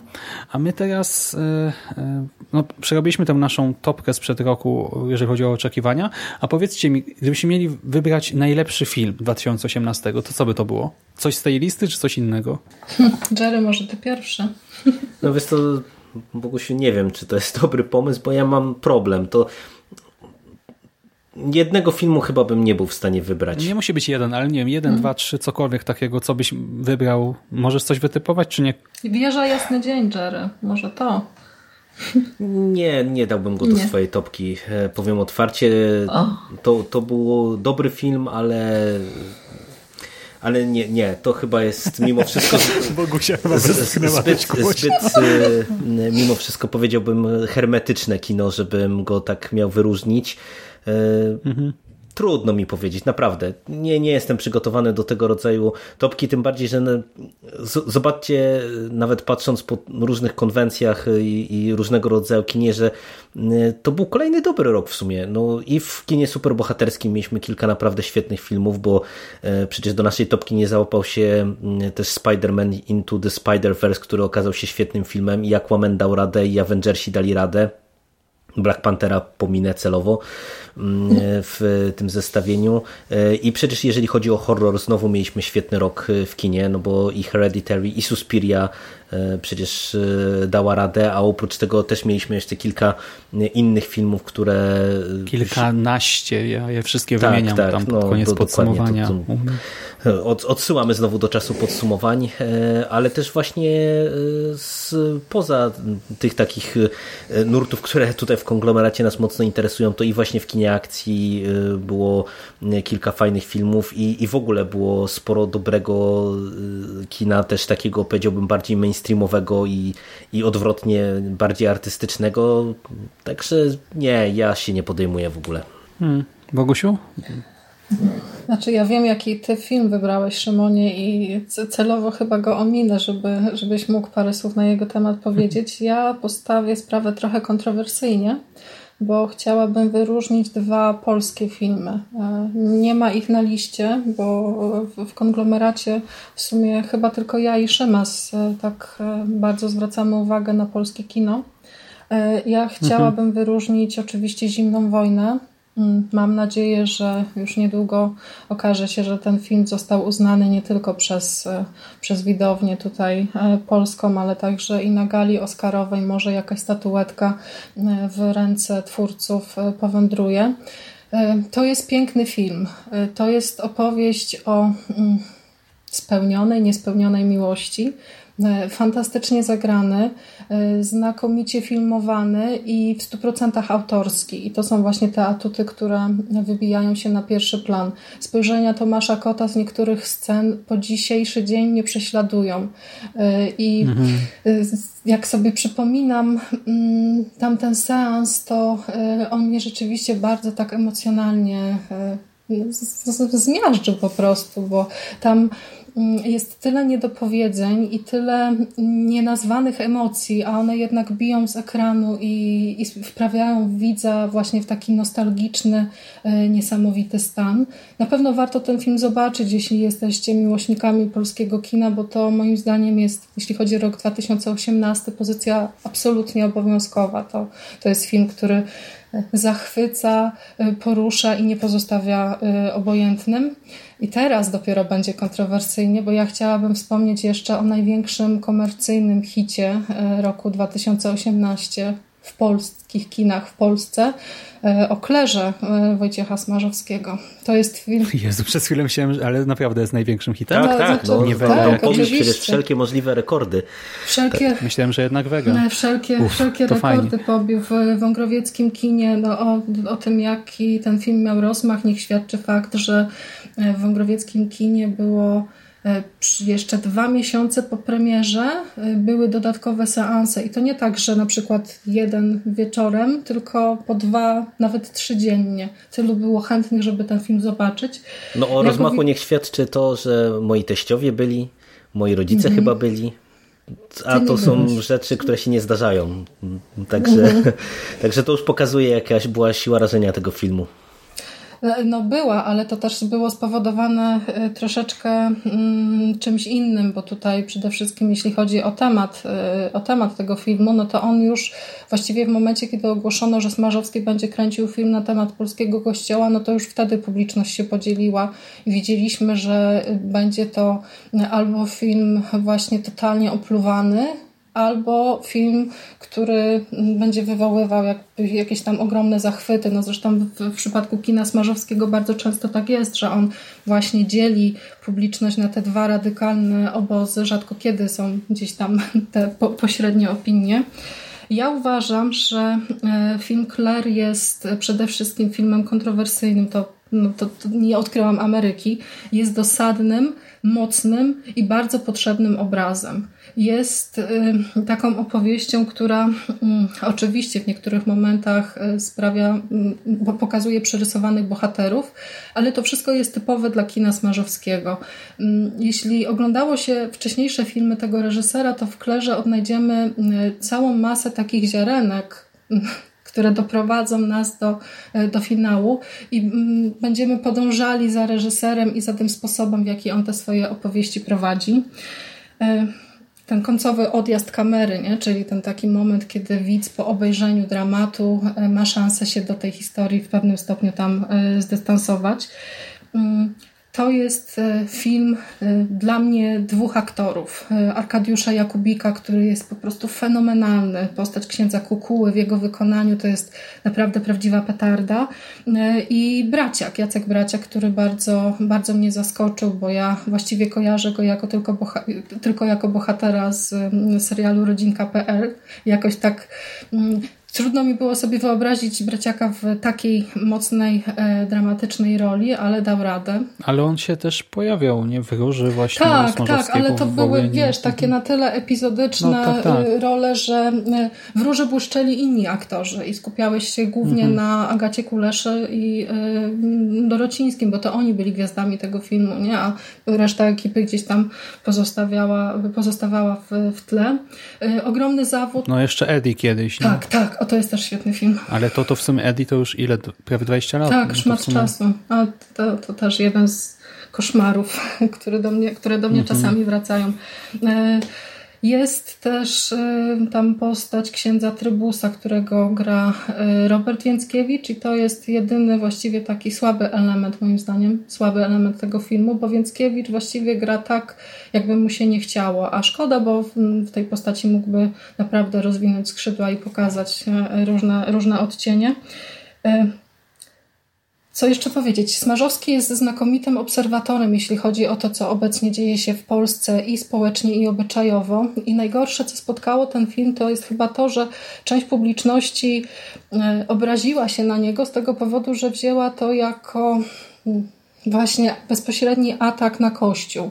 To jest film, który ma nas zdystansować do niektórych problemów. Oczywiście mamy tam mm, znane medialne sprawy poruszone. Jeśli ktoś śledzi tego typu doniesienia, no to pozna na przykład sprawę siostry Bernadetty, ale jednocześnie Smarzowski y, w prezentowaniu brutalnych scen i, i, i tych wszystkich opowieści, które no, przerażają y, faktem, że w ogóle mają miejsce, y, no to zachował y, pewie, pewnego rodzaju mm, dobry smak. Nie przekroczył tej granicy, bo jest w klerze e, taka scena, no nie powiem jaka, na wypadek gdybyście chcieli obejrzeć, e, scena, która po prostu mogła wybrzmieć inaczej, gdyby pokazał za dużo.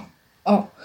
Także to jest, myślę, ważny film i godny obejrzenia. To będzie taki teraz recenzencki slogan, że warto ten film zobaczyć, żeby wyrobić sobie swoją opinię. Ale w przypadku filmów Smarzowskiego akurat, akurat tak jest. To bardzo, bardzo potrzebny obraz. Tyle. No dobrze, no to ja pod tym się mogę podpisać, co Bogusia tutaj powiedziała w dużej mierze. A ty też widziałeś, tak? A od siebie... Tak na marginesie. Mhm. Widziałeś. Wow. I nie, nie pochwaliłeś się. Dlaczego? Bo mamy za dużo innych rzeczy do nagrania. Nie, no, Musimy ja jednak to akurat obydwa te filmy mam też na liście, tylko że ja akurat wam powiem otwarcie, że polskie kino to zawsze w domowych warunkach, jak już kurz kinowy u, Ale to ucieknie. właśnie w sumie to jest złe nastawienie akurat, Jerry ci powiem. Znaczy okej, okay, rozumiem w przypadku Klego, no bo też możesz trafić na dziwną widownię, która będzie albo klaskać, albo nie, na przykład hejtować. Ale nie, wiesz to, to ja ci wpadnę w słowo. U mnie to nie jest kwestia e, nawet tylko tego, że to jest polskie kino, tylko że ja chodzę do kina w ostatnich latach e, z 5-6 razy do roku, więc ja po prostu idę z definicji na e, wysokobudżetowo, wysokobudżetowe, wysokooktanowe kino, które po prostu wymaga wielkiego ekranu ekranu, nie? A... Znaczy wiem, wiem, ale zmierzałem do tego, że właśnie ostatnio, bo ja też kiedyś miałem takie nastawienie, że w ogóle w sumie to polskich filmów nawet niekoniecznie się opłaca, polskie filmy niekoniecznie się opłaca oglądać w kinie, no bo ten dźwięk wiadomo jaki jest jakości na ogół, a i od strony wizualnej często e, no były już niedoróbki, ale ostatnio mam wrażenie, że te filmy jednak są kręcone z coraz większym rozmachem. Tak. E, nie ma już tych problemów z technologią, a jeżeli chodzi o utalentowanych e, właśnie chociażby operatorów, czy nawet i dźwiękowców, z tym dźwiękiem nadal są lekkie problemy. Ja mam wrażenie, przy prawie każdym polskim filmie, który oglądam, czuję czasem, że coś mi z tym dźwiękiem jeszcze nie gra, ale od strony właśnie operatorki montażu, to są czasami naprawdę genialne rzeczy. Nie, nie, ale nie, ja tego nie kwestionuję, tylko no, tak jak mówię, no mhm. wiesz, ja za, za rzadko mam możliwość trafić do kina i po prostu naprawdę y, trochę mi szkoda iść do kina y, na, na film, który spokojnie wiem, że on nie, nie straci wiele w domowych warunkach. Nie? Na... Znaczy może inaczej, straci mniej niż takie Mission Impossible. No dokładnie tak, tak no, a, a wiesz, jakbym chodził, nie wiem, do kina trzy razy w miesiącu, to, to zdecydowanie na polskie kino też bym częściej trafiał, bo ja absolutnie nie jestem tutaj jakimś hejterem polskiego kina i w miarę regularnie staram się te, te głośne premiery tam pochłaniać, no tylko po prostu, no mówię, no nie w tych warunkach, które mam obecnie. Dobra, to ode mnie jeszcze dwie rzeczy już tak na szybko, żeby te filmy domknąć. Trzy billboardy za Ebbing, Missouri. Brawo. E, film, którym rozpocząłem ten rok, 2018 e, praktycznie, bo go obejrzałem w styczniu. Ja nawet nie wiem, czy to nie był pierwszy film, który w ogóle zobaczyłem w tamtym roku i on jest moim zdaniem absolutnym mistrzostwem świata, jednym z najlepszych filmów, jaki widziałem kiedykolwiek. E, niezwykłą też hybrydą, bo e, on mocno operuje różnymi tropami e, gatunkowymi, ale jednocześnie robi to w sposób nietypowy. Właśnie nie wiem, tak się zastanawiałem dzisiaj po pracy, wracając do domu i myśląc o tym przekaście, czy można powiedzieć, że to jest kino autorskie, bo pod pewnymi względami może by to była przesada, ale jednak momentami jest tak zaskakujący i tak właśnie swój, tak, ma taki swój własny klimat, jedyny niepowtarzalny, wyjątkowy, doskonale oddziałuje na emocje, po prostu mnie zmiażdżył, wziął moje uczucia i przez wyżymaczkę je przecisnął. Niesamowite, cudowne doświadczenie. Trzy billboardy za Ebbing, Missouri. Jak ktoś nie widział w 2018, to po łapach linijką i nadrabiać jak najszybciej w jak najlepszej jakości e, i też e, na spokojnie, tak? Nie właśnie do piwka, ciasteczek, chipsów, tylko e, raczej, raczej no można ze znajomymi, ale tak w skupieniu.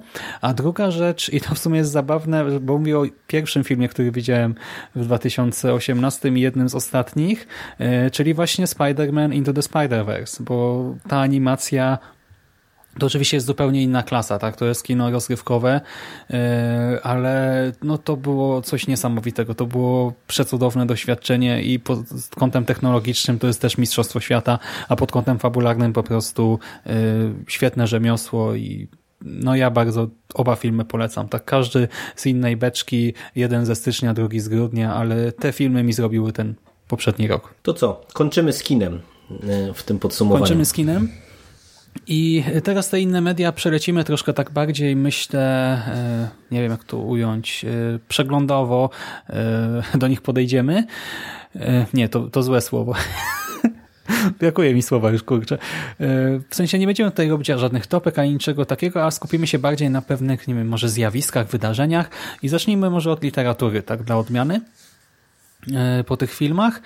Mm, no właśnie, e, Bogusia powiedziała o, tych, e, o tym polskim kinie. Ja mam wrażenie, że nie tylko polskie kino, ale i polska literatura się całkiem nieźle ostatnio rozwijają. Ja w tym ubiegłym roku zainteresowałem się dużo mocniej niż wcześniej współczesną polską literaturą i wydaje mi się, że to nie jest przypadek, to nie jest tylko kwestia tego, że mnie coś natchnęło, ale też te polskie książki przeżywają niektóre drogą młodość, a inne e, łapią drogi oddech. E, I tutaj mm, chciałbym w ogóle też wyróżnić e, radioksiążki, czyli podcast Michała Nogasia, jako coś naprawdę niesamowitego, coś co robi o wiele więcej w temacie promocji literatury niż niejedna naprawdę kosztowna kampania społeczna czy jakaś tam inicjatywa. Michał Nogaś i jego podcast otworzyły moje oczy na zupełnie nowe w ogóle jakieś rejony polskiej literatury. Y, wiadomo, no Nogaś już przy magazynie książki, magazyn do czytania y, robi sporo i już tam ta jego działalność jest warta uznania, ale to, co się dzieje w ramach radia książki, to jest absolutne mistrzostwo świata. To jest podcast, który zacząłem nadrabiać hurtowo w pewnym momencie. Potem mój telefon się zepsuł. Totalnie wysiadła mi płyta główna Musiałem go dojść e, do reklamacji. E, tam przez kilka tygodni byłem bez tamtego telefonu na nowym.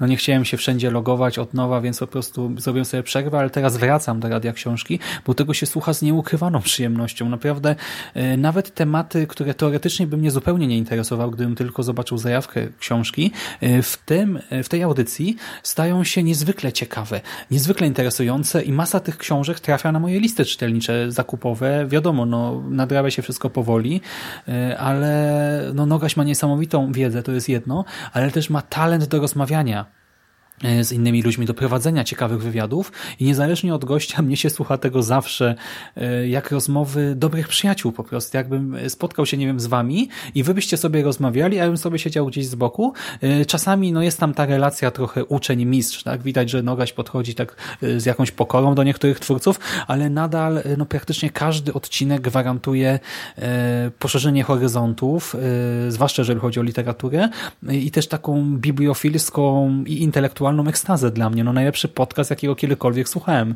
Ze wszystkich po prostu. Dla mnie to jest top jeden. Bogusia też słucha, nie?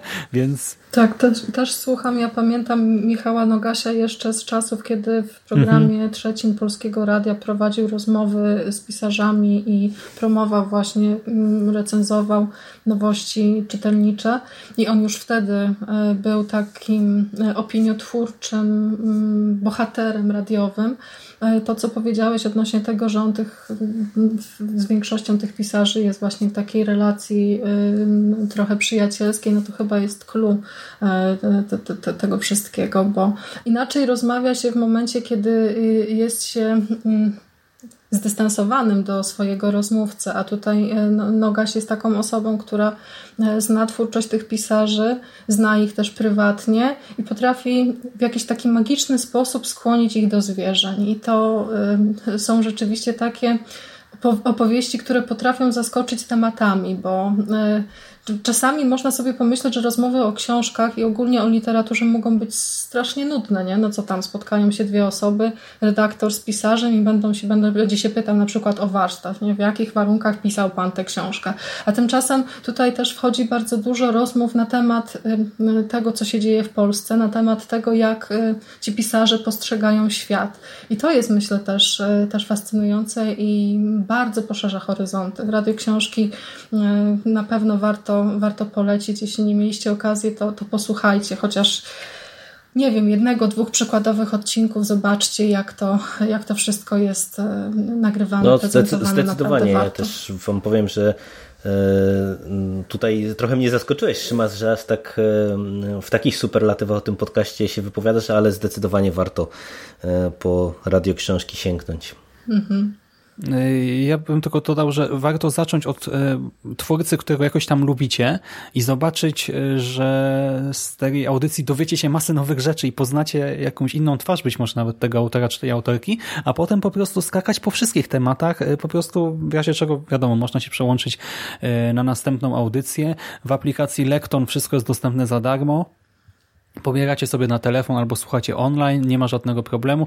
E, u mnie akurat w telefonie, e, nie wiem, może to wina teraz tego aparatu, ale e, czasami mam problem z plikiem, w sensie w którymś momencie, jeżeli pobieram, nie słucham online, tylko słucham offline, to po pobieraniu czasem się plik zacina, no ale to wiadomo, na Wi-Fi to po prostu resetuję, usuwam stary plik, ściągam go ponownie i nie ma problemu, ale to może być wina nie aplikacja mojego konkretnie telefonu, ale właśnie Jerry, to trochę twoja zasługa, że słucham radia książki, bo to ty wyłapałeś jakoś chyba ten moment, kiedy e, ono się pojawiło mhm, i tak, tak. troszkę tak. je reklamowałeś, w sensie wrzuciłeś je u nas na Konglo. E, ja potem się nim zainteresowałem mocniej, więc dzięki. I to jest właśnie pierwsze takie, moim zdaniem, ważne wydarzenie w polskiej literaturze. To, że to radio książki cały czas nadaje i ma się świetnie. Druga sprawa to ogromny, przeogromny sukces Olgi Tokarczuk na zachodzie, bo umówmy się, no, International Man Booker Prize to coś, z czego cała Polska powinna być dumna i mam nadzieję, że cała Polska jest dumna. Znaczy wiem, że politycy no niektórzy... Nam, jeszcze nominowana była też do National -hmm. Book Award, przepraszam, wpadam słowa, ale jeszcze Olga Tokarczuk ma też na swoim koncie y, jeszcze jedną nominację do takiego odpowiednika trochę literackiej mm -hmm. Nagrody Nobla, też jest typowana, że może kiedyś. Ale właśnie.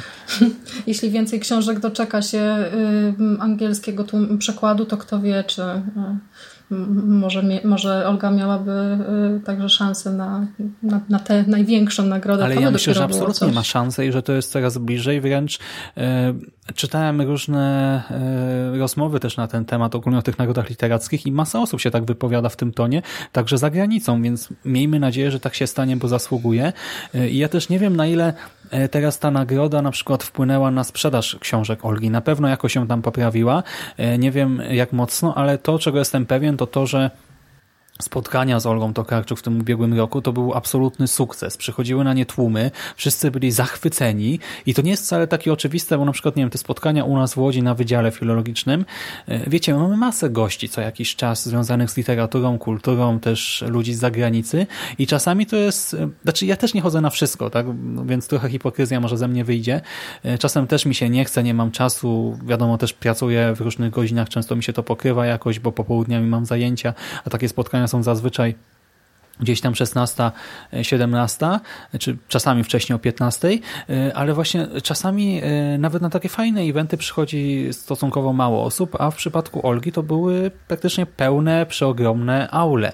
E, I to mnie bardzo e, cieszyło, tak samo jak fakt, że coraz częściej słyszę rozmowy o jej książkach, nawet e, tak gdzieś przypadkiem e, na mieście, na uczelni, czy nie wiem, rozmawiamy sobie o jakichś książkach i ktoś wspomina e, Olgę, co też bardzo mnie cieszy. Jej opowieści bizarne z ubiegłego roku to dla mnie najlepsza książka chyba z tych, które czytałem, najbardziej mnie zaskoczyła tak pozytywnie. Znaczy w sensie spodziewałem się dobrej książki, ale e, to jak Olga sprawnie operuje tymi różnymi e, wątkami, motywami e, literatury gatunkowej, jak dodaje do tego dużo od siebie i sprawia, że nawet właśnie coś, co można by nazwać schematami gatunkowymi, staje się niezwykle oryginalne i zaskakujące. E, zresztą mam nadzieję, że ten przekaz ukaże się już po publikacji naszej recenzji, mojej rozmowy z Bogusią. Opowieści bizarnych. E, ta powinna e, z naszej perspektywy na dniach zostać upubliczniona. No właśnie, świetna książka i kurczę, no 2018 rok jest rokiem Tokarczuk w dużej mierze dla mnie i mam nadzieję, że kolejny, czy też kolejne też będą dla niej szczęśliwe. Rokiem Tokarczuk i rokiem mhm. Macieja Płazy, który jako pierwszy Polak otrzymał nagrodę mhm. Angelusa. Także okazuje się, że polscy, polscy autorzy y, no, są doceniani na, na całym świecie praktycznie i za sprawą licznych y, tłumaczeń polskiej literatury mm, coraz szersze grono, grono czytelników ma y, szansę poznać ich twórczość. Mm, e, z popularnością polskiej literatury łączy się też jeszcze jeden nurt, o którym myślę warto powiedzieć, bo w minionym roku coraz częściej mm, Filmowcy skupiają się na y, polskich książkach, y, na przenoszeniu niektórych tych opowieści na zarówno ekrany kinowe, jak i y, ekrany telewizyjne, bo mieliśmy na przykład świetny serial Ślepnąc od świateł, oparty na książce Jakuba Żulczyka. Z takich bardziej komercyjnych hitów to na przykład seria, serial Chyłka Zaginięcie, ekranizacja prozy Remigiusza Mroza i, i sporo jeszcze e, nielegalnie. Myśl... I Sewerski, właśnie. O, zapomniałam o Sewerskim, niedobrze. Mam też wrażenie, że w, w ciągu najbliższych miesięcy będziemy mieli jeszcze kilka e, ciekawych e, rzeczy związanych trochę z literaturą, trochę z filmem, trochę właśnie z tymi tutaj naszymi polskimi realiami. Ja tak jeszcze przy, powiem o jednej rzeczy, bo okazuje się, że to mm, można sobie wyobrazić, że tylko ta literatura wysoka e, jest doceniana i ekranizowana i przetwarzana w, w różny sposób, no bo twórczość Orki Tokarczuk na przykład przenika też mhm. do opery i do komiksu. E, w zeszłym roku mieliśmy premierę opery mm, opartej na motywach Anny In w Grobowcach Świata i ukazał się też e, komiks bazujący jakby na tej, na tej samej historii. Tymczasem E, podczas spotkania z Katarzyną Bondą na przykład dowiedziałam się, że e, są też plany zekranizowania na przykład jej cyklu e, o Saszy Załuskiej i że początkowo w tej pierwszej fazie było też tym zainteresowany BBC. O. Zawsze mnie takie sytuacje bardzo ciekawią, bo niektóre książki, które mm, czytałam w ostatnim czasie, Y, z tych takich bardzo właśnie poczytnych pisarzy, wydają mi się w 100% polskie. Mm, tak jak na przykład właśnie ta seria y, Katarzyny Bondy. Tam jest dużo takich tematów właśnie związanych z, z prywatyzacją, z jakimiś takimi tutaj pol, pol, polskimi realiami i jestem bardzo ciekawa, w jaki sposób odebraliby to inni y, widzowie gdzieś tam właśnie na zachodzie, w innych krajach. Czy niektóre rzeczy, którymi my Polacy się w pewnym stopniu pasjonujemy, byłyby dla nich czytelne i. i znaczy, ja myślę, że tak, a ewentualnie to... by miały też wartość dodaną jako pewnego rodzaju egzotyka, nie? No bo jednak no to zawsze jest jakaś tam wartość dodana. Zresztą też y, trochę inne przedstawienie świata. Ja ostatnio oglądałem y, to Tidelands od Netflixa, australijski serial, który może nie jest mocno lokalny, y, ale nawet sama ta świadomość, że to jest serial jest australijski, inny. że tam mhm. widzimy australijskie scenografie, jakoś zupełnie podświadomie, nie? Tak po prostu, niezależnie od samego serialu, był pewnego rodzaju wartością dodaną, więc ja widzę w tym potencjał, a do tego pamiętajmy, że polski kryminał, nie tylko polski, bo to akurat w sumie jest globalne zjawisko, ale bardzo mocno e, czerpie z lokalności, w sensie wykorzystuje e, jakąś specyfikę tak. danej miejscowości, miasta, e, jego czy też jej społeczności.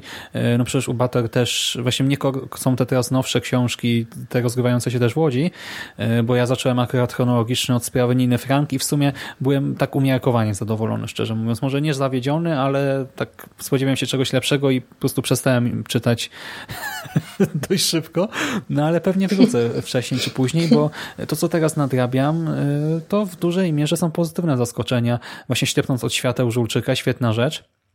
Teraz właśnie serial trzeba będzie nadrobić i serial, który został strasznie ciepło przyjęty i stał się jakimś fenomenem. Ja o tym też nie wiedziałem, bo trochę unikałem e, jakichś tam opinii, by sobie niczego nie zdradzić, zwłaszcza, że byłem jeszcze przed lekturą e, samej książki, e, ale okazuje się, że w Polsce powstają lokale, które nawiązują na przykład do jakichś tam one-linerów, cytatów, czy w ogóle języka tej powieści. Kolekcja, kolekcja wiem, pewnie... chyba też została wypuszczona na rynek, jeżeli ja dobrze kojarzę. Jerry, w ogóle słyszałeś ostatnio gdzieś sztywniutko? Nie słyszałem, ale, ale wiesz, to niczego nie dowodzi. Bo... Ale właśnie, bo no widzisz, ty nie słyszałeś, nie? Więc niby ktoś mógł powiedzieć, że to y, ja może przesadzam, ale ja słyszałem i to było przezabawne, bo oglądałem e, krótki wywiad e, właśnie nawet nie, z kimś od serialu, kto mówił, że w Warszawie jest jakaś knajpa jedna i druga nawiązujące do serialu, gdzieś chyba jeszcze w Krakowie czy we Wrocławiu też taka powstała. Potem sobie jadę tramwajem z pracy i słyszę, jak młodzi ludzie, stosunkowo tam pewnie, nie wiem, 17-18-letni, mówią do siebie właśnie językiem powieści, czy też serialu, no bo w sumie pewnie bardziej serialu niż powieści, ale nadal to było fascynujące doświadczenie. Super, że właśnie ta proza się tak przyjęła. E, ten Sewerski Ja pamiętam, ja pamiętam, że Jerry bardzo narzekał na Żulczyka i chciałam tylko zapytać, bo my kiedyś spieraliśmy się z Szymasem na ten temat, bo ja nie byłam pewna, czy ty czytałeś coś Żulczyka i ci się nie spodobało, czy po prostu krytykowałeś go z nie, powodu nie, nie, scenariusza ja do Belfra? Jerry, jak to mam było? jednoznaczne skojarzenia, tylko Belfer, bo y, ja niestety Belfer. to jest... Aha coś, co ja chciałem w sumie poruszyć jeszcze tam gdzieś dalej, ale po prostu jest tak, że my żyjemy w czasach takiej nadprodukcji kultury, że po prostu niestety to jest nieustanna umiejętność albo czasem brak umiejętności wyboru, to po co chcemy sięgnąć. I ja wam powiem, że tak mhm. jak i słucham tej waszej teraz wymiany zdań i w prywatnych rozmowach, jak właśnie te wątki e, powieści tych polskich się pojawiają, to e, ja mam spore wyrzuty sumienia, że mam takie braki w tym względzie, no ale niestety, e, no po prostu niestety, życie jest za krótkie i po prostu, wiecie, co, coś się wybiera, z czegoś trzeba zrezygnować i no coś tak, za coś, a, ale to dzięki temu takie podsumowania są tak, potem zróżnicowane, tak, tak, bo każdy coś innego a, ogląda. Czyta. Jeżeli chodzi o Żulczyka, to po prostu właśnie znaczy, umówmy się tak też, że... no, wpadnę ci jeszcze w słowo, to dla mnie ta okay. niechęć moja do Żulczyka była związana stricte z Belfrem, dla, dlatego, że wiecie, jest tak, że... Znaczy to była niechęć do Belfra, nie do Żulczyka. Tak, znaczy, no, ja jakby bardzo krytykowałem mhm. Żulczyka jako scenarzystę, bo krótko, żeby skończyć jakby ten wątek, to ja wam powiem, że po prostu jest trochę tak, że ja kryminał y, i w kontekście powieściowym, i w kontekście serialowym y, chłonę od y, dosłownie dzieciaka. I po prostu ja, mimo że nie siedzę jakoś bardzo mocno w tej chwili w kryminale, ale gdzieś tam, wiecie, te różne trendy, właśnie te, te lokalność, te wszystkie wpływy skandynawskie, które od lat w literaturze widzimy i tak dalej, i tak dalej, te wątki lokalne. Ja to wszystko rozumiem, znam i wiem, jak to funkcjonuje. I po prostu dla mnie Belfer e, w pierwszej serii był po prostu serialem o nieco zaprzepaszczonym potencjale, e, bo tam pomysł moim zdaniem był ok, ale e, po prostu przefajnowano scenariusz, postawiono na tanie szokery w finale i, i, to całościowo mi nie grało. E, natomiast e, drugi Belfer to jest kuriozum, nie? No to jest po prostu serial tak fatalnie napisany, że ja się łapałem z odcinka na odcinek, to się łapałem za głowę, e, jak można było stworzyć coś takiego i, i po prostu, wiecie, ja nie przeczę, że Żulczyk może być dobrym scenarzystą, bo ja go pamiętam z czasów jego felietonów i ja wielokrotnie się z nim nie zgadzałem, bo słynął z różnego rodzaju skrajnych opinii o różnego rodzaju dziełach e, kultury i popkultury i w zasadzie to w większości przypadków się z nim nie zgadzałem, e, ale nie przeszkadzało mi to e, czytać właśnie jego felietonów, bo dla mnie językowo to było sprawne i wiecie, no ja nie muszę się ze wszystkimi zgadzać, ale no jak ktoś potrafi swoje racje uargumentować i ubrać też te ładne i ciekawe słowa, to, to spoko, nie? Natomiast no niestety Belfer się nie udał, nie? Mhm. No ale wiesz, znaczy to... Tak. Okej. Okay.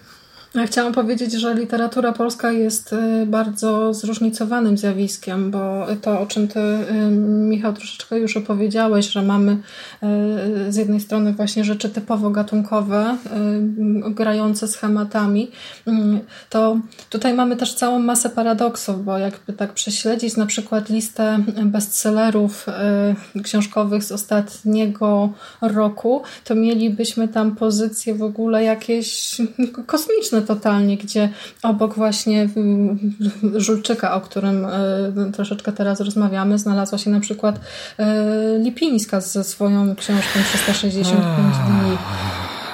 Tak, Szymas westchnął i dla Bo tych z Was, którzy nie ma być ekranizacja. O, o będzie Boże. ekranizacja i będzie tak, będzie, bo to jest w ogóle taka hybryda, która stanowi skrzyżowanie Ojca Chrzestnego z A, to jest to, znaczy, ja może przepraszam, inaczej, bo tak e, siedziałem cicho, bo nie kojarzyłem tytułu, ale to, to jest, rozumiem, ta książka, która mhm. właśnie już na etapie tego połączenia Ojciec Chrzestny i 50 twarzy Greja to mnie rozwaliła, czy to tak. jest ta fabuła, gdzie e, dziewczyna jest porwana przez przez gangstera, a później jest dozgodnie w nim zakochana? To jest to, czy to ja już kręcę te wszystkie porno dla kurdomowych made in Poland?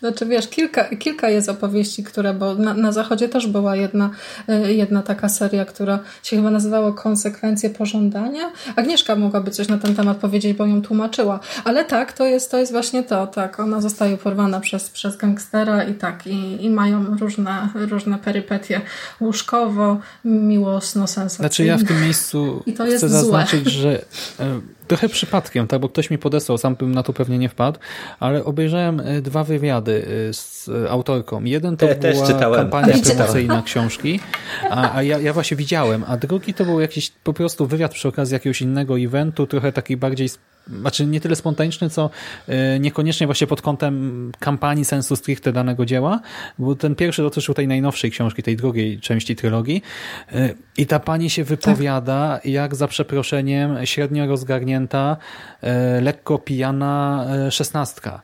I po prostu jest tak niedojrzała i no, nie, to jest, przepraszam, ale ja, ja tego słucham i sobie myślę, co za głupia kobieta, tak? Ile ty masz lat, tak? Jak ty się zachowujesz w ogóle? Jak ty się wysławiasz? Ty się naucz mówić po polsku, a potem pisz książki. Nie, naprawdę byłem tak zażenowany, że aż mi teraz ciśnienie skacze, gdy o tym myślę i to jest jedna z najbardziej popularnych książek w Polsce. Super, no.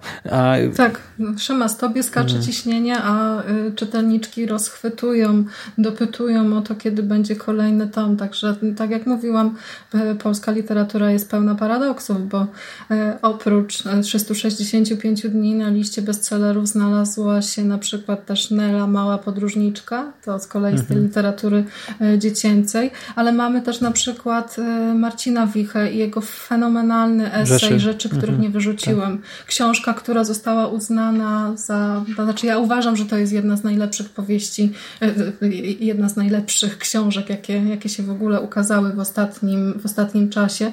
I to jest taka nietypowa historia o tym, jak e, rzeczy po zmarłych. e, po naszych zmarłych. I to już e, na etapie jakby, jeśli się po- podejdzie do tej, do tej książki w odpowiedni sposób, to już po pierwszych dziesięciu stronach jesteś po prostu tak emocjonalnie rozdrgany, a to właściwie jest prosta rzecz, prosty punkt wyjścia, prosty język, a jednocześnie tak poetycki i oddziałow- oddziałuje na ciebie na różnych, na różnych poziomach, że to jest aż po prostu niewyba- nie, niebywałe.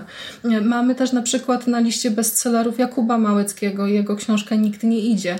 E, Powieść, e, powieść psychologiczną, powieść wyjątkową, powieść wymykającą się mm, jakby różnym tutaj mm, ga- gatunkowym klasyfikacjom. Mamy Łukasza Orbitowskiego, którego mm, popularność nie słabnie. E, I jest on zestawiony właśnie na przykład też z literaturą faktu, która w Polsce ma się dobrze i która będzie się miała dobrze, bo mamy wielu mm, ciekawych dokumentalistów i y, też dzie- dziennikarzy publikujących y, rzeczy z, różnych dziedzin. Anna Bikont na przykład, też takie nazwisko, które może być, może być znane. A czy inni ludzie też nie wyszli tej- w 2018? Czy mylę teraz, czy wcześniej wyszli?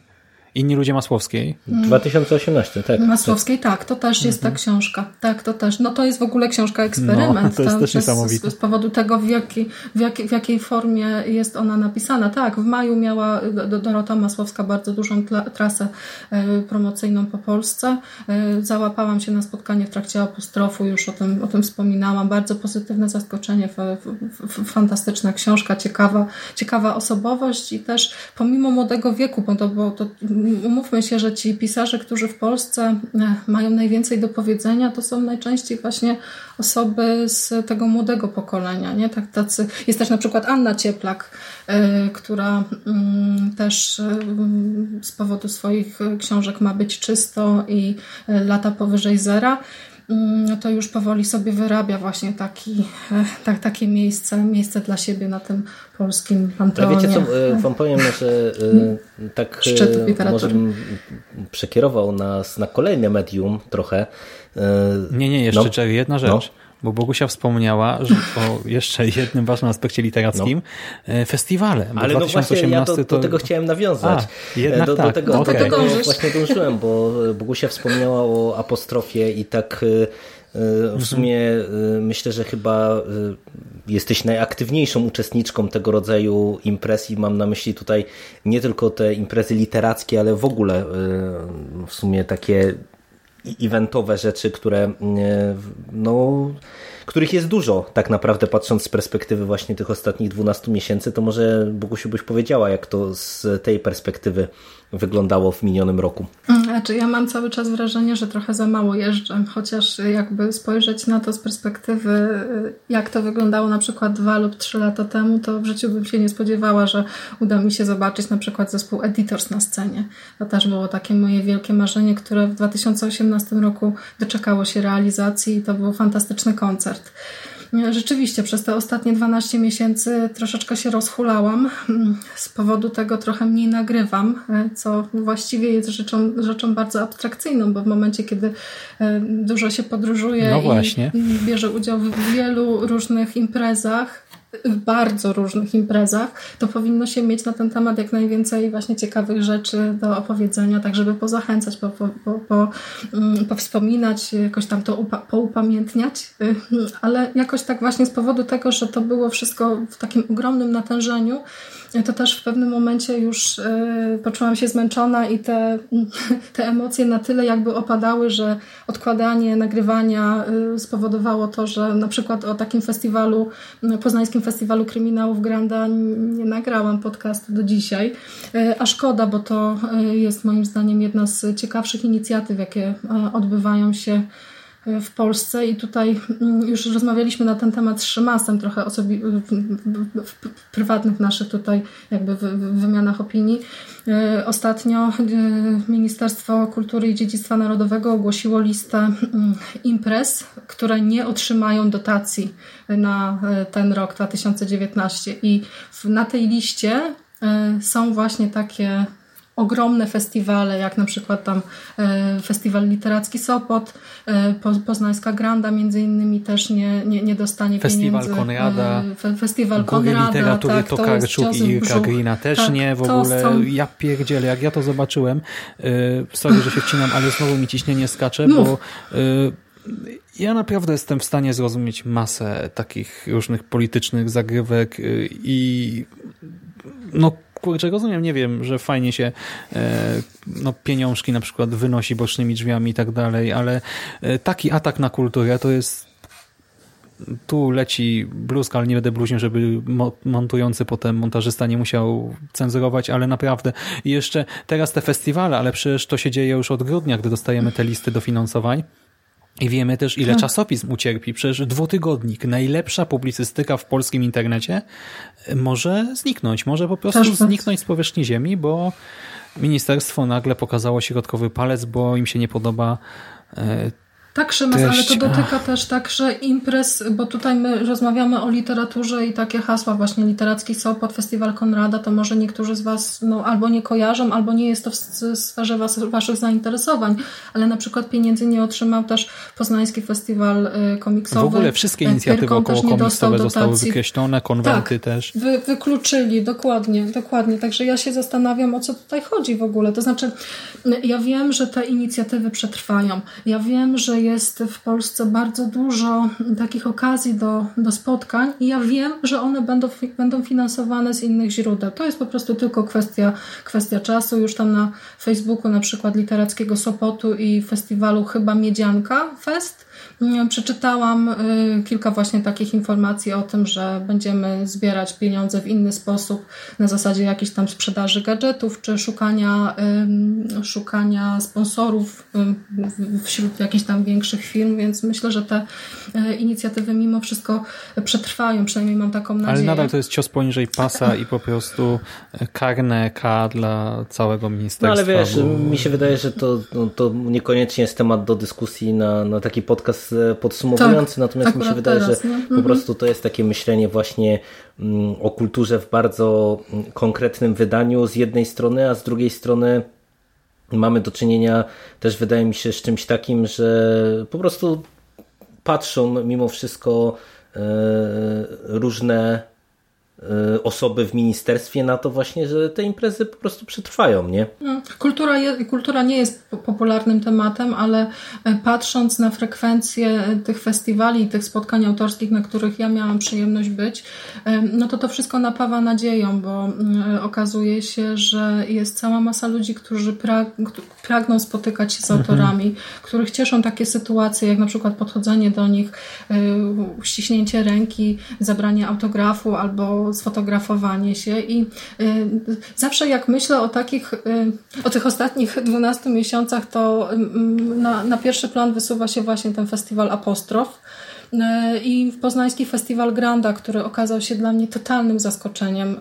To jest taka impreza, która okazuje się, która ma już miejsce od jakiegoś czasu, a ja pojechałam tam po raz pierwszy i to, co zastałam tam, to było coś, co po prostu przeszło moje najśmielsze mhm. oczekiwania, bo tam nagromadzenie kryminalistów na metrze kwadratowym, no to, to poza jakby wszelkimi moimi, moimi marzeniami. Spotkałam się z Katarzyną Bondą, z Remigiuszem Mrozem, zamieniłam parę słów z Justyną Kopińską, mm, coś co y, nie sądziłam, że nigdy się zdarzy, że, że, że się zdarzy spotkanie z y, skandynawskim pisarzem kryminałów Horstem.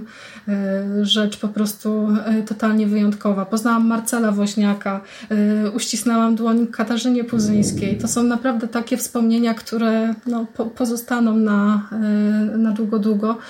E, no i ten apostrof, no i apostrof, na którym e, Olga Tokarczuk, e, Kasia Bonda raz jeszcze, Mariusz Czubaj, Dorota Masłowska hmm. i Magdalena Grzebałkowska, hmm. która już niedługo też przyjedzie tutaj do nas, do Wągrowca, więc będzie szansa na, na, na ponowne spotkanie. Mm, myślę, że warto uczestniczyć w takich, w, takich, w takich wydarzeniach, bo to na pewno poszerza horyzonty. Jeśli jesteście fanami jakiegoś pisarza, to powinniście chociaż raz y, spróbować y, porozmawiać, bo to są zupełnie inne sytuacje, bo jak się czyta wywiady albo ogląda, albo słucha, to, to można sobie wybrać, y, wyrobić zupełnie inny pogląd, a w takiej bezpośredniej rozmowie okazuje się, że to są naprawdę fantastyczni ludzie. Ja w ogóle śmieję się, że mm, w momencie, kiedy spotykam pisarzy, to załącza mi się jakiś taki właśnie gen e, e, rozpiszczanej fanki i takiej właśnie radosnej, radosnej osoby, ale tak to właśnie, e, tak to właśnie działa. Tak sobie planuję w najbliższym czasie może zahaczyć jakieś targi książki, chociaż podejrzewam, że mogę zejść na zawał, jak zobaczę listę gości i będę się starała pewnie być na wszystkich imprezach jednocześnie, żeby z każdym chociaż parę, parę słów zamienić. To są naprawdę fantastyczne inicjatywy. No oprócz tego też w zeszłym roku były koncerty i to e, editorsi to jedno, ale najlepszy koncert, na jakim byłam w ogóle w życiu na, o którym chcę powiedzieć dosłownie jedno zdanie, to e, koncert zespołu Kult w Żninie. E, taka impreza zorganizowana z okazji majówki koncert, który był bezpłatny i to było po prostu takie wydarzenie zobaczenie Kazika na żywo, a ja jeszcze stałam e, w drugim rzędzie, więc bardzo, Ty bardzo w ogóle blisko. wszędzie na wszystkich tych to imprezach mi zdjęcia wysyłasz, to zawsze jesteś w pierwszym, drugim rzędzie. Mnie to fascynuje, bo mnie się, nie wiem, no na Spletfilm też może też tak siadam i nie wiem, na przykład na spotkaniu z Markiem Piestrakiem zadałem 90% pytań, praktycznie prowadziłem to spotkanie, bo tak wyszło. Ale jednak e, poza tym to no, raczej mi się tak nie zdarza. Ty zawsze jesteś tuż przy nich, tuż przy tych ludziach.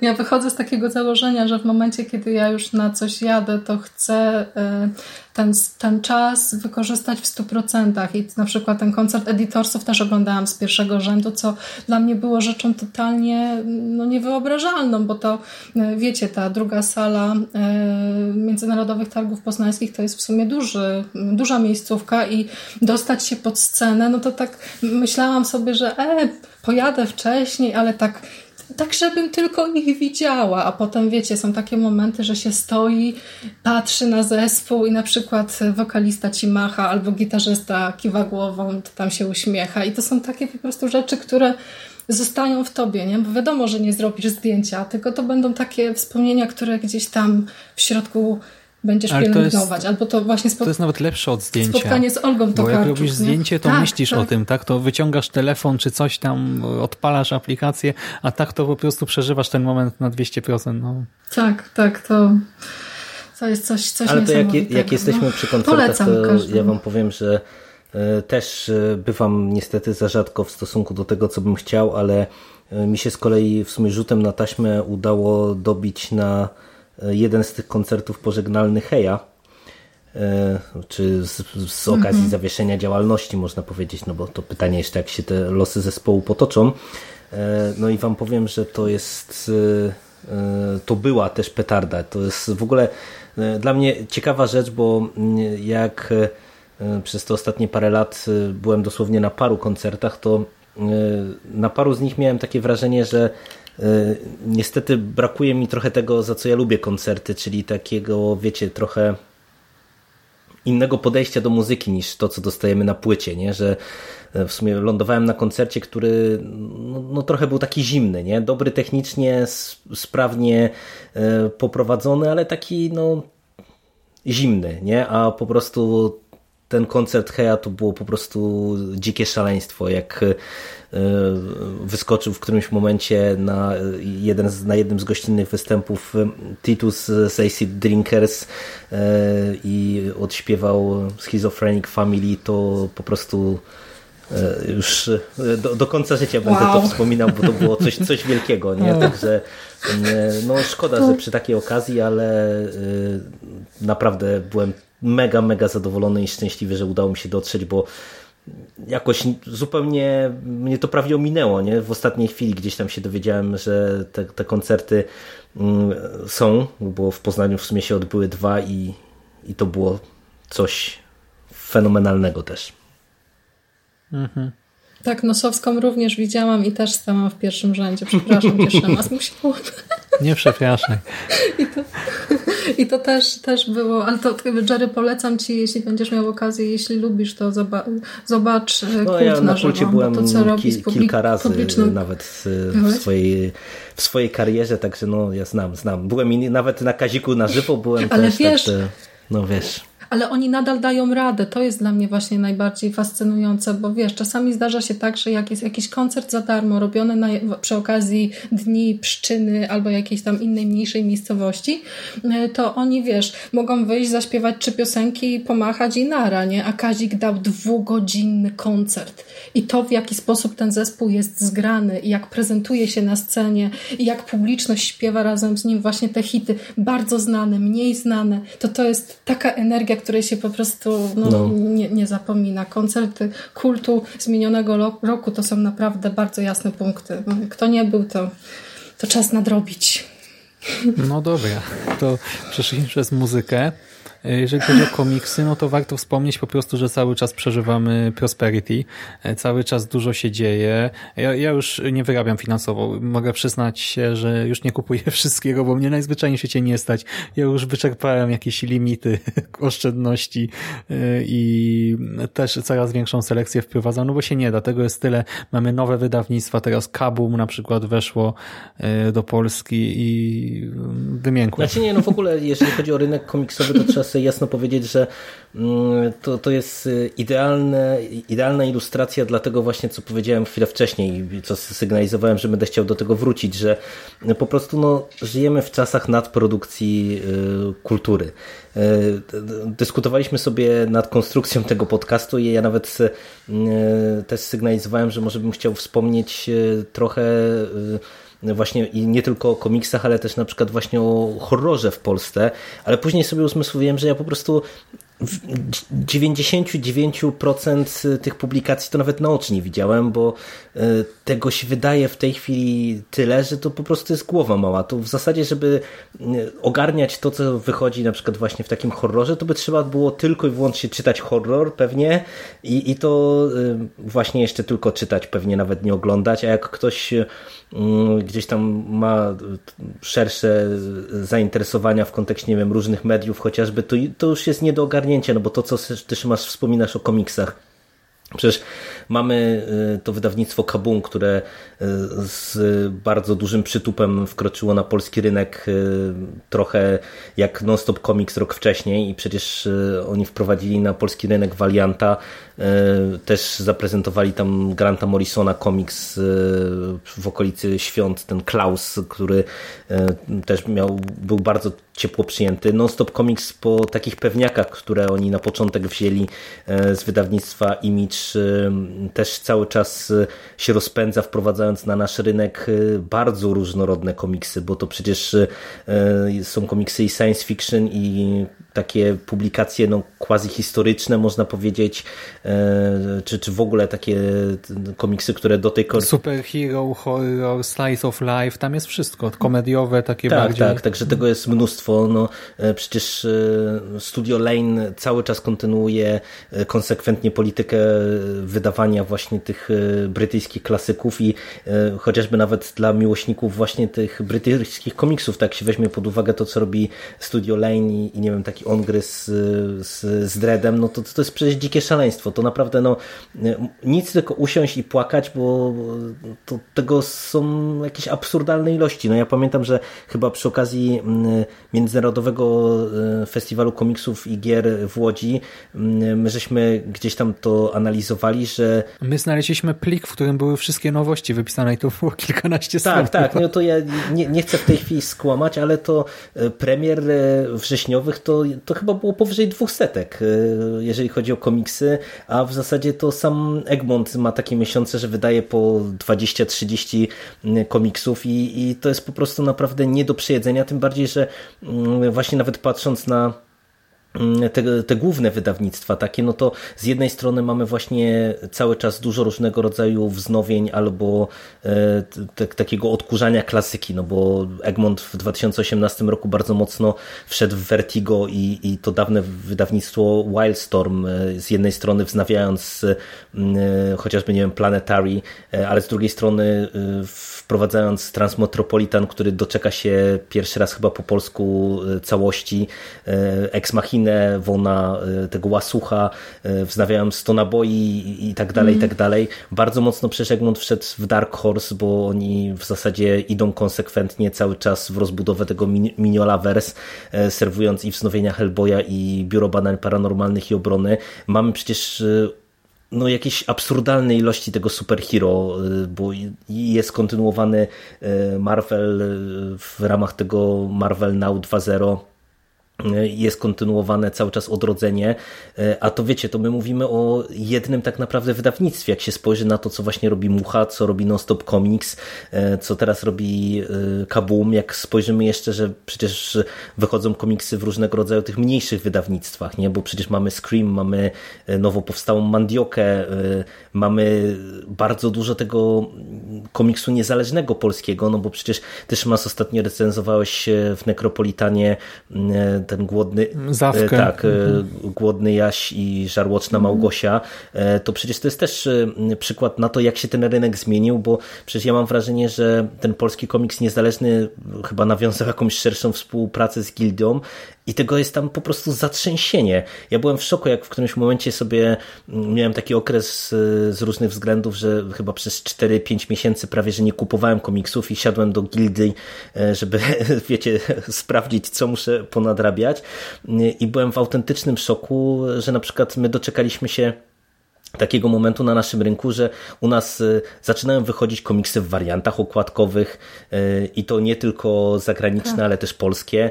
Y, na Gildii mamy mhm. przecież sporo blanków dostępnych, co, co też, no przecież to jeszcze parę lat wstecz, to ja mam wrażenie, że to tylko najwięksi fani komiksowi słyszeli w ogóle, co to jest i, i nie mówiąc o tym, że to było naprawdę coś unikatowego, a tutaj no można sobie w jednym z największych sklepów komiksowych w Polsce kupić blanka podejść do autora na, na jednej z licznych imprez komiksowych i, e, i to, to najlepiej obrazuje po prostu z jakim rynkiem... I nawet więcej Jerry i teraz to nie dziwi nawet. Tak, no teraz, teraz to nie dziwi. Ja, ja też no, widziałem dokładnie. te blanki, nawet nie pomyślałem, że to jest coś, o czym można wspomnieć. To już dla mnie jest normalne. No ale wiesz, ale to jest właśnie ciekawe, jak się to zmieniło, no bo przecież to e, zwróć uwagę, mhm. że, że coś takiego jak właśnie warianty okładkowe czy blanki, no to, to jeszcze parę lat wstecz to było coś, e, do czego myślę wielu fanów komiksowych wzdychało w kontekście tego, że że to za granicą jest pewien standard, nie? A u nas no to, to było coś, o czym wielu nie śniło, nie? No, no, no bo po prostu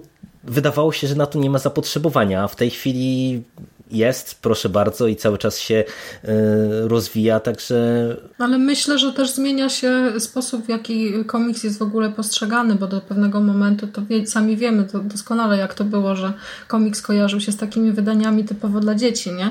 A teraz okazuje się, że nawet y, zaobserwowałam to na jakby swoim przykładzie zawodowo, y, przychodzą klienci do księgarni i pytają o to, co ja mogłabym im polecić z komiksów. I najczęściej bywa też tak, że kupują w ciemno. Y, mam na przykład takiego klienta, któremu poleciłam swego czasu Zabij albo Zgiń. No to doprowadziliśmy mhm. tę serię do końca. Teraz z kolei podsunęłam mu Nienawidzę Baśniowa i potrafimy y, przy kolejnych odwiedzinach przez 40 minut rozmawiać na przykład o tym, co, co on przeczytał i czy mu się podobało i w jaki sposób można to y, odnieść jakby do tego szerszego Y, rynku y, komiksowego i tych innych rzeczy, które kiedyś tam przetworzył.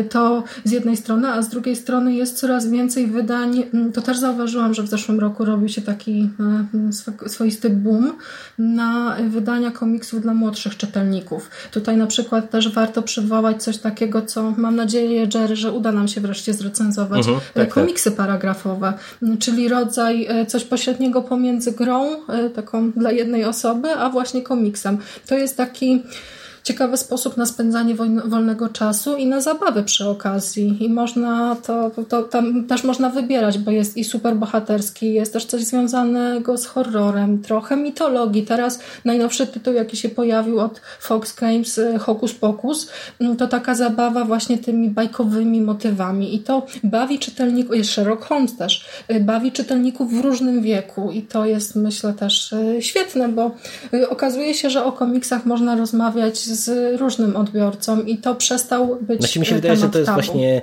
Fajnie. trochę tak, że y, my już doszliśmy do tego poziomu, że komiks stał się mainstreamem tak naprawdę. Nie, że wiecie, tak. Y, to, to, nawet nie można mówić o tym, że 2018 rok to był przełom jakiś dla komiksu, bo, bo nie był, bo my z tą hossą mamy do czynienia naprawdę już od ładnych paru lat. Y, tylko po prostu, jeżeli ja bym miał mhm. coś wyróżnić tutaj, jeżeli chodzi o ten rynek komiksowy, no to właśnie to, że komiks przebił się do po prostu tego głównego nurtu i do szerokiej świadomości ludzi, nawet którzy z komiksem nie mają do czynienia. To, to wiecie, to też jest trochę tak, że to jest takie sprzężenie zwrotne. Mamy coraz więcej różnego rodzaju ekranizacji y, na różnego rodzaju Netflixach, nie Netflixach, y, rzeczy, które mm, tak. są, y, czy mają źródło w komiksach, a niekoniecznie są kojarzone na przykład z czymś takim typowo komiksowym, czyli z jakimś nurtem superhero, e, bo przecież wiecie, chociażby takie e, The End of the Fucking World, którego też się doczekaliśmy przecież komiksowej wersji w Polsce, myślę, że para wstecz na pewno by się nie ukazało, gdyby nie to, że dostaliśmy serial. I teraz patrząc właśnie na to też, co, co w Polsce się wydaje, jeżeli chodzi o, o komiks i też jak ludzie mają coraz częściej jakby podejście do komiksów, no to ja mam wrażenie, że właśnie bardzo często jest tak, że po komiks y, sięgają osoby, które nigdy z tym medium nie miały wcześniej do czynienia, y, ale właśnie, nie wiem, sięgnęły po jakiś serial, okazało się, że on ma komiksowy rodowód y, i, i na przykład w tym momencie postanawiałem sięgnąć po, po daną serię, a też z drugiej strony wydawcy z tego skrzętnie korzystają, bo przecież teraz w HBO mamy Deadly Class i już non-stop comics Deadly Class zaserwowało. No, zaraz doczekamy się. I nawet y, dwa warianty, też jest okładka serialowa. Tak, do, do, dokładnie tak. W sumie to y, mnie ciekawi, jak oni to rozwiążą w dalszych odsłonach, nie? bo to taki trochę dla mnie dziwny zabieg, jeżeli chodzi o to, że wzięli okładkę serialową, wariantową, no ale z drugiej mhm. strony no, logiczne jakoś tam posunięcie. No przecież doczekamy się zaraz w Polsce Umbrella Academy też y, na fali popularności z serialu od Netflixa, który no, dosłownie od paru dni e, bryluje. Także to jest dla mnie bardzo ciekawe, bo ja autentycznie widzę, że mm, coraz więcej osób e, czyta komiksy takich, których ja bym w ogóle nigdy z komiksem nie, nie, nie skojarzył, tylko po prostu no, komiks zaczął funkcjonować jako takie medium w kulturze, e, po które naprawdę coraz, coraz więcej ludzi e, sięga, bo po prostu dostrzega, że, że w tym jest coś więcej, nie? że to nie tylko to głupkowate superhero, jak to się do niedawna mówiło, albo rzeczy dla dzieci. No i też to właśnie z jednej strony to sprzężenie zwrotne, jeżeli chodzi o adaptację, tak, że ktoś sięga po film, serial, bo komiks był niby popularny, albo ktoś sięga po komiks, bo serial e, czy film są ciepło przyjęte przez widownię, ale też po prostu to jest trochę wynik tej klęski urodzaju, no tak, tak. bo no po prostu tego jest tyle wszędzie, że my tutaj mówimy właśnie o odbiorcach, ale komiks jest też coraz bardziej popularny jako forma marketingu, reklamy, miasta wydają komiksy jakoś związane ze swoją historią, muzeum powstania Powstania Warszawskiego wydaje Bradla to już wprawdzie trwa jakiś czas, chyba, nie wiem, dwa lata, e, ale w tym roku ma się ukazać czwarty tom ja przeczytałem e, dwa i pół na razie e, i to są świetne komiksy. Zresztą recenzję też na Konglo wrzucimy pewnie w najbliższym czasie, bo dwie już są nagrane. W zeszłym roku też były dwa komiksy patriotyczne, bo ukazał się taki zbiór zatytułowany 100 na 100 mhm. z okazji stulecia niepodległości oraz też jeden komiks z, związany z powstaniem wielkopolskim, mhm. więc to jest jakby też nowy sposób na zainteresowanie różnych, różnych czytelników takimi właśnie ważnymi tematami. Tak Wydaje mi się, że nawet więcej ich było, bo właśnie przy okazji tych obchodów stulecia mhm. E, trafiłem na jakiś artykuł na ten temat i no, nie przypomnę sobie teraz tytułów niestety z pamięci, e, ich nie przywołam, ale było więcej takich inicjatyw i wszystkie, no, znaczy e, niektóre były bardziej właśnie, miały na celu popularyzację jakiegoś jakiegoś tam wydarzenia historycznego, na przykład przez e, takie bardziej popularne medium, a inne znowu były takie całkiem e, nie wiem jak to ująć, no to były komiksy raczej mniej przystępne właśnie, autorskie, e, nietypowe, co też w sumie jest ciekawe, nie? że te podejścia cały czas są różne, nawet w obrębie takiego jednego, jak gdyby próby jednego zużytkowania tego medium. A w ogóle, bo tak myślę, że my niedługo do końca tego naszego podsumowania będziemy mhm. zmierzać. E, jakbyście mieli w ogóle wyróżnić jakiś komiks z tych ostatnich minionych 12 miesięcy, to macie coś takiego, co wam wyjątkowo zapadło w pamięć? The Black Monday Murders, no. no tak, to prawda. Tu się pod tym podpisuje. Monstressa, tylko nie pamiętam, czy Monstressa była w Pier pierwszy tom był, tom, miał w 2017 roku, ale już dwa, dwa mhm. tomy kolejne już były w 2018. Mhm. Jakbym powiedziała, że nienawidzę baśniowa. Bo to jest taka nie, nie, nietypowa opowieść, ale czy na pewno komiks roku? Nie, chyba nie. Jest jeszcze polski komiks, y, tylko Boże, teraz też sobie nazwę nie przypomnę, może znajdę na szybko. E, Pan Żarówka? Nie. E, taki ma specyficzne wydanie. E, a może i Pan Żarówka? Tak, Pan Żarówka Wawrzyka. E, ja go wprawdzie nie przeczytałem o. E, jeszcze, dopiero tak naprawdę, nie wiem, jestem chyba przed połową cały czas, ale to też jest bardzo ciekawa rzecz i w sumie e, Kultura Gniewu to wydała, też nietypowe wydanie, nietypowy format, gdy ja dostałem ten komiks, gdy jeszcze go nie otworzyłem, gdy leżał sobie w kartonie razem z tysiącem innych komiksów, to ja nawet nie wiedziałem, co to jest, czy to jakieś pudełko mi dorzucili pozłacane, czy co, no też świetna rzecz. No to co? To no chyba dobra, będzie... jeszcze, no. jeszcze rozgrywka, rozgrywka elektroniczna, Jerry. E, myślałem, że sobie z Cykiem podyskutuję trochę więcej, bo wy nie gracie, nie za bardzo? No nie, na, tym, na ten moment nie.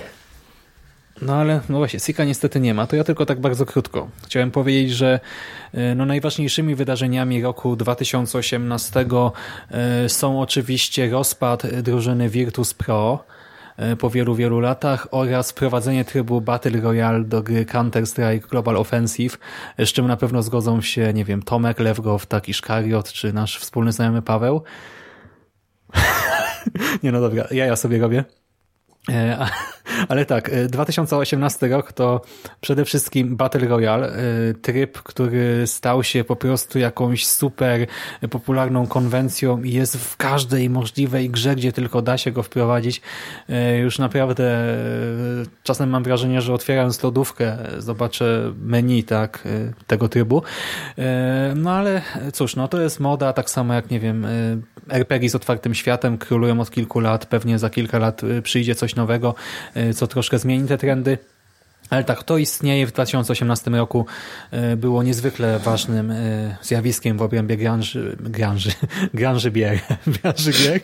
E, druga taka rzecz to dominacja PlayStation na rynku konsolowym i tutaj pewnie Sigby coś więcej powiedział. Ja nie mam Playki, znaczy mam PlayStation 2 od niedawna, dzięki skoczny, ale właśnie PlayStation no, osiągnęło ogromny sukces. Ja widziałem różne statystyki e, finansowe, giełdowe, e, sprzedaży gier i tak dalej pod koniec właśnie 2018. Teraz też na początku e, w styczniu takie różne podsumowania i PlayStation pod każdym możliwym względem yy, no wybija się ponad konkurencję totalnie.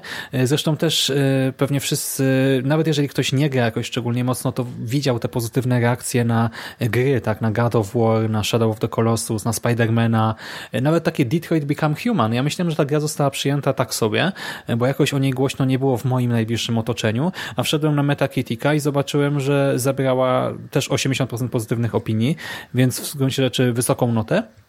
E, no i właśnie PlayStation to jest ta druga rzecz, o której chciałem wspomnieć, a trzecia to Epic Games Store. E, I Fortnite oczywiście. No właśnie Fortnite też Battle Royale, e, niezwykle popularna gra, która sprawiła, że Epic Games po prostu stało się jakąś przeogromną, przepotężną spółką, która zarabia kosmiczne pieniądze. To jest naprawdę absurdalne, jakby ktoś powiedział, nie wiem, 10 lat temu, że na grze komputerowej jeszcze darmowej można tyle zarobić, to nikt by w to nie uwierzył. No i Epic Games postanowił postanowiło założyć własną platformę dystrybucji. Niby nic dziwnego, no mamy Uplay, mamy Origina, mamy Goga, e, teraz to prawie każde studio zakłada własne launchery, Bethesda, tak, Blizzard e, przecież też ma swojego Battle.neta. No ale jednak Steam jest niepodzielnym królem niby, a tu nagle pojawia się Epic Games Store, które chce być jednoznaczną konkurencją, e, chce mieć niższe ceny, brać niższą, nakładać niższą marżę, e, tak żeby każdy tu był tańszy, płaci firmom za ekskluzywy e, i na razie to się nie do końca sprawdza, bo większość osób pewnie założyła konta na Epic Games Store tylko po to, żeby dostać darmowe gry, bo co dwa tygodnie są rozdawane darmowe gry i one są no raczej z tej wyższej półki dość ciekawe wartościowe pozycje są to, e, ale no właśnie poza tym raczej ten sklep jeszcze nie jest popularny, bo też oferta cały czas nie jest za duża, funkcjonalność też jest słaba w porównaniu ze Steamem. Ostatnio wydano Metro Exodus i na przykład Jerry, który niby nie gra, o tym też słyszał, y, że Metro Exodus od 4A Games stało się ekskluzywem, czyli przez rok będzie dostępne tylko na Epic Game Store, a dopiero potem pojawi się y, na Steamie. No i ludzie są strasznie oburzeni, mam wrażenie. Oczywiście gracze y, na PC, no bo konsoli to nie dotknęło, ale ludzie są wściekli, bo niby Epic Game Store mówi, że walczy z monopolem monopolem, no ale jednocześnie samo tworzy monopol y, na rynku gier komputerowych. No i niby te opinie są raczej negatywne, ale z drugiej strony na Steama też się wszyscy początkowo oburzali, y, więc chociaż teraz to jest nowinka, coś, co może przejść bez echa, to równie dobrze może się okazać, że za rok, dwa, trzy y, no to ta sytuacja się zupełnie zmieni na rynku y, na dystrybucji cyfrowej, jeżeli chodzi o PC-ty i że ta konkurencja ze Steamem doprowadzi do jakichś tam zmian w działaniu obu platform, y, co w sumie nie byłoby takim złym, myślę, zjawiskiem. No i to tyle ode mnie. No, to myślę, że w zasadzie pewnie na tym zakończymy, bo jeszcze o różnych rzeczach by można było poopowiadać. E, seriale chociażby E, pominęliśmy, ale tutaj e, najbardziej serialowej postaci w naszej ekipie, czyli Mando z nami nie ma też dzisiaj, więc myślę, że ten temat odpuścimy, tym bardziej, że... Mando podsumowuje seriale przez tak, cały tak. rok. Tak, A tym bardziej, że nie wiem jak, jak wy, tak. czy, czy też nie mieliście takiego wrażenia, ale wydaje mi się, że akurat 2018 rok bez jakiejś rewolucji serialowej mam wrażenie się obył w tym sensie, że chyba nie było jakiegoś takiego tąpnięcia, nie wiem, żeby wyskoczyła jakaś taka naprawdę rewelacyjna produkcja, która wiecie, nagle mm, będzie na ustach wszystkich, nie wiem, tam z dwa lata temu e, był chociażby Młody Papież, który szturmem zdobył popularność i wszyscy się tym serialem zachwycali pod różnymi względami, a tak takie przynajmniej od, ja odniosłem wrażenie, że ten 2018 rok to jest taka kontynuacja tego trendu, że jest bardzo dużo mm, też e, jakościowych seriali, ale chyba nic takiego, co by się jakoś tak super wybiło, to, to nie dostaliśmy. To znaczy trochę Nawiedzony Dom na Wzgórzu, nie? Był takim serialem, który, no oczywiście głównie wśród fanów e, grozy e, i też oryginału książkowego e, stał się popularny, ale mam wrażenie, że wybił się też poza to grono i zresztą teraz, dosłownie dzisiaj, tak? 21 lutego dostaliśmy zapowiedź kontynuacji i dowiedzieliśmy się, że to ma być antologia serialowa, że każdy sezon ma się opierać, ma być luźno inspirowany inną historią, prawdopodobnie inną e, powieścią czy innym opowiadaniem. Ten drugi sezon ma nawiązywać do Henry'ego Jamesa i do e, dokręcania śruby, czy też w kleszczach lęku, bo ta książka ma dwa wydania i e, dwa różne tytuły. No w sumie jest to ciekawy koncept, tak? Różne, różni bohaterowie będą różne lokacje, różne historie i każdy sezon ma się zaczynać od The Haunting i potem ma być jakaś tam, jakiś ciąg dalszy, tak co roku inny. Koncept ciekawy, może coś z tego wyjdzie fajnego. No z polskich seriali to na pewno jeszcze Royst tak, warto tak. wymienić, bo to jest też takie um, pokazanie w telewizji tej niepublicznej, zupełnie nowej jakości. Um, zrobienie właśnie czegoś um, gatunkowego, ze świetnymi aktorami, z doskonałym klimatem i, i tą wizualną stroną, mm, a jednocześnie coś też bardzo polskiego, bo E, tam są przecież użyte na przykład takie rekwizyty, że ktoś, kto dorastał w, w późnym PRL-u, to po prostu patrząc na te, e, na te sceny, to będzie się szeroko uśmiechał i będzie poznawał przedmioty codziennego użytku. Świetna rola Andrzeja Seweryna i e, znakomity Dawid Ogrodnik, ale to jest akurat taki duet, który zawsze się sprawdzi, więc mm, Royst na pewno warto zobaczyć. I jeszcze Kruk, Szepty słychać po smroku, tak? Też jako polski serial. No, no ja to, właśnie to nie widziałam, żałuję. Wszyscy jak nie widziałaś, to moim zdaniem warto. To jest e, pozytywne zaskoczenie po, po tym fatalnym Belfrze, to naprawdę tu Kanal Plus e, e, zdecydowanie się radę. spisało i, i, i to było przyjemne zaskoczenie. Do, dobra rzecz, dobra rzecz, warto. Ukazał się na DVD, więc może mhm. sobie kupię. No ale to już my się nie będziemy tak skakać po tematach, bo jeszcze byśmy mogli różne rzeczy tutaj e, pewnie e, wyciągać z różnych e, gałęzi popkultury. Do 2020 tak, byśmy tak. mogli tak rozmawiać. to co, jak oceniacie w ogóle ten 2018 rok? Pozytywnie ogólnie. Mam wrażenie, że rzeczywiście jest trochę przesyt y, ilościowy, y, ale y, to nie jest tak, że jakoś jakoś bardzo mocno spada. Tak, no niby powstaje też dużo rzeczy ze średniej półki, ale to też jest tak, ja o tym mówiłem w sumie w nawiedzonym podcaście, że dużo rzeczy, które dzisiaj, tak, ja oceniam jako średnią półkę, w sensie rzeczy dobre, czy też zrealizowane poprawnie, ale nie wyróżniające się, jeszcze kilka lat temu mogłyby być oceniane jako rzeczy bardzo dobre, bo wydaje mi się, że ogólny poziom jednak wzrasta, czy to w kinematografii, czy w literaturze w sumie też pod pewnymi względami. Może, znaczy, okej, okay, to może trochę dziwnie brzmi, ale wydaje mi się, że jest troszkę lepiej po prostu, ogólnie. Tak, otwieramy się na nowe rzeczy i właśnie z tym kojarzy mi się rok 2018, mhm. z takim rokiem e, zaskoczeń, z rokiem przełamywania jakichś tam swoich e, osobistych blokad, z rokiem spotkań, E, i bardzo dużej ilości pozytywnych zaskoczeń. E, I z takim rokiem, który też zaostrza apetyt na e, kolejne jakieś właśnie wydarzenia i, i, i czytanie zaległych mhm. książek. Mhm. Tak, tak sobie myślę. No, na pewno pozytywnie oceniam minione 12 miesięcy. No ja również, ja również tak od siebie powiem, że zdecydowanie to był dobry rok kolejny i tylko naprawdę żałuję, że coraz mniej czasu na to wszystko mamy, bo przy tej ilości różnego dobra to autentycznie ja mam poczucie, że czegokolwiek bym się nie tknął, to muszę zrezygnować z 50 innych rzeczy. Także Coś tak. nas omija no, zawsze. Dokładnie, tak. dokładnie. Hmm. No dobra, no i tym takim trochę słodko-gorzkim, chciałem być pozytywnym, ale ostatecznie słodko-gorzkim akcentem będziemy kończyć. To dzięki serdecznie za rozmowę. Dzięki, dzięki. Dziękujemy bardzo za uwagę. A Wam, kochani, właśnie dziękujemy za uwagę. Zachęcamy do dzielenia się własnymi przemyśleniami na temat tego roku. E, w sumie to jest ciekawe, tak? Czy Wy też postrzegacie go ogólnie pozytywnie, czy nie? Czy zgadzacie się co do naszych tutaj rzeczy wyróżnionych, czy niekoniecznie? A może też macie jakieś swoje odkrycia, bo to, to jest najważniejsze. W sumie do tego zmierzam. Jak jeżeli odkryliście coś naprawdę niesamowitego, niezależnie od medium, e, czy to komiks, gra, czy przedstawienie teatralne, czy cokolwiek innego, to dajcie znać, bo warto promować rzeczy właśnie też mniej znane, specjalne, bardziej niszowe, albo nawet może z tych znanych coś nam umknęło. Dzielcie się takimi informacjami z nami i z innymi słuchaczami, a na teraz to już od nas wszystko. Trzymajcie się ciepło i do następnego razu. Cześć. Cześć. Cześć.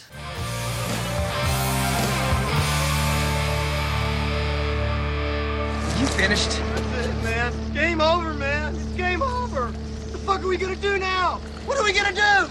It's over. Nothing is over! Nothing! You just don't turn it off!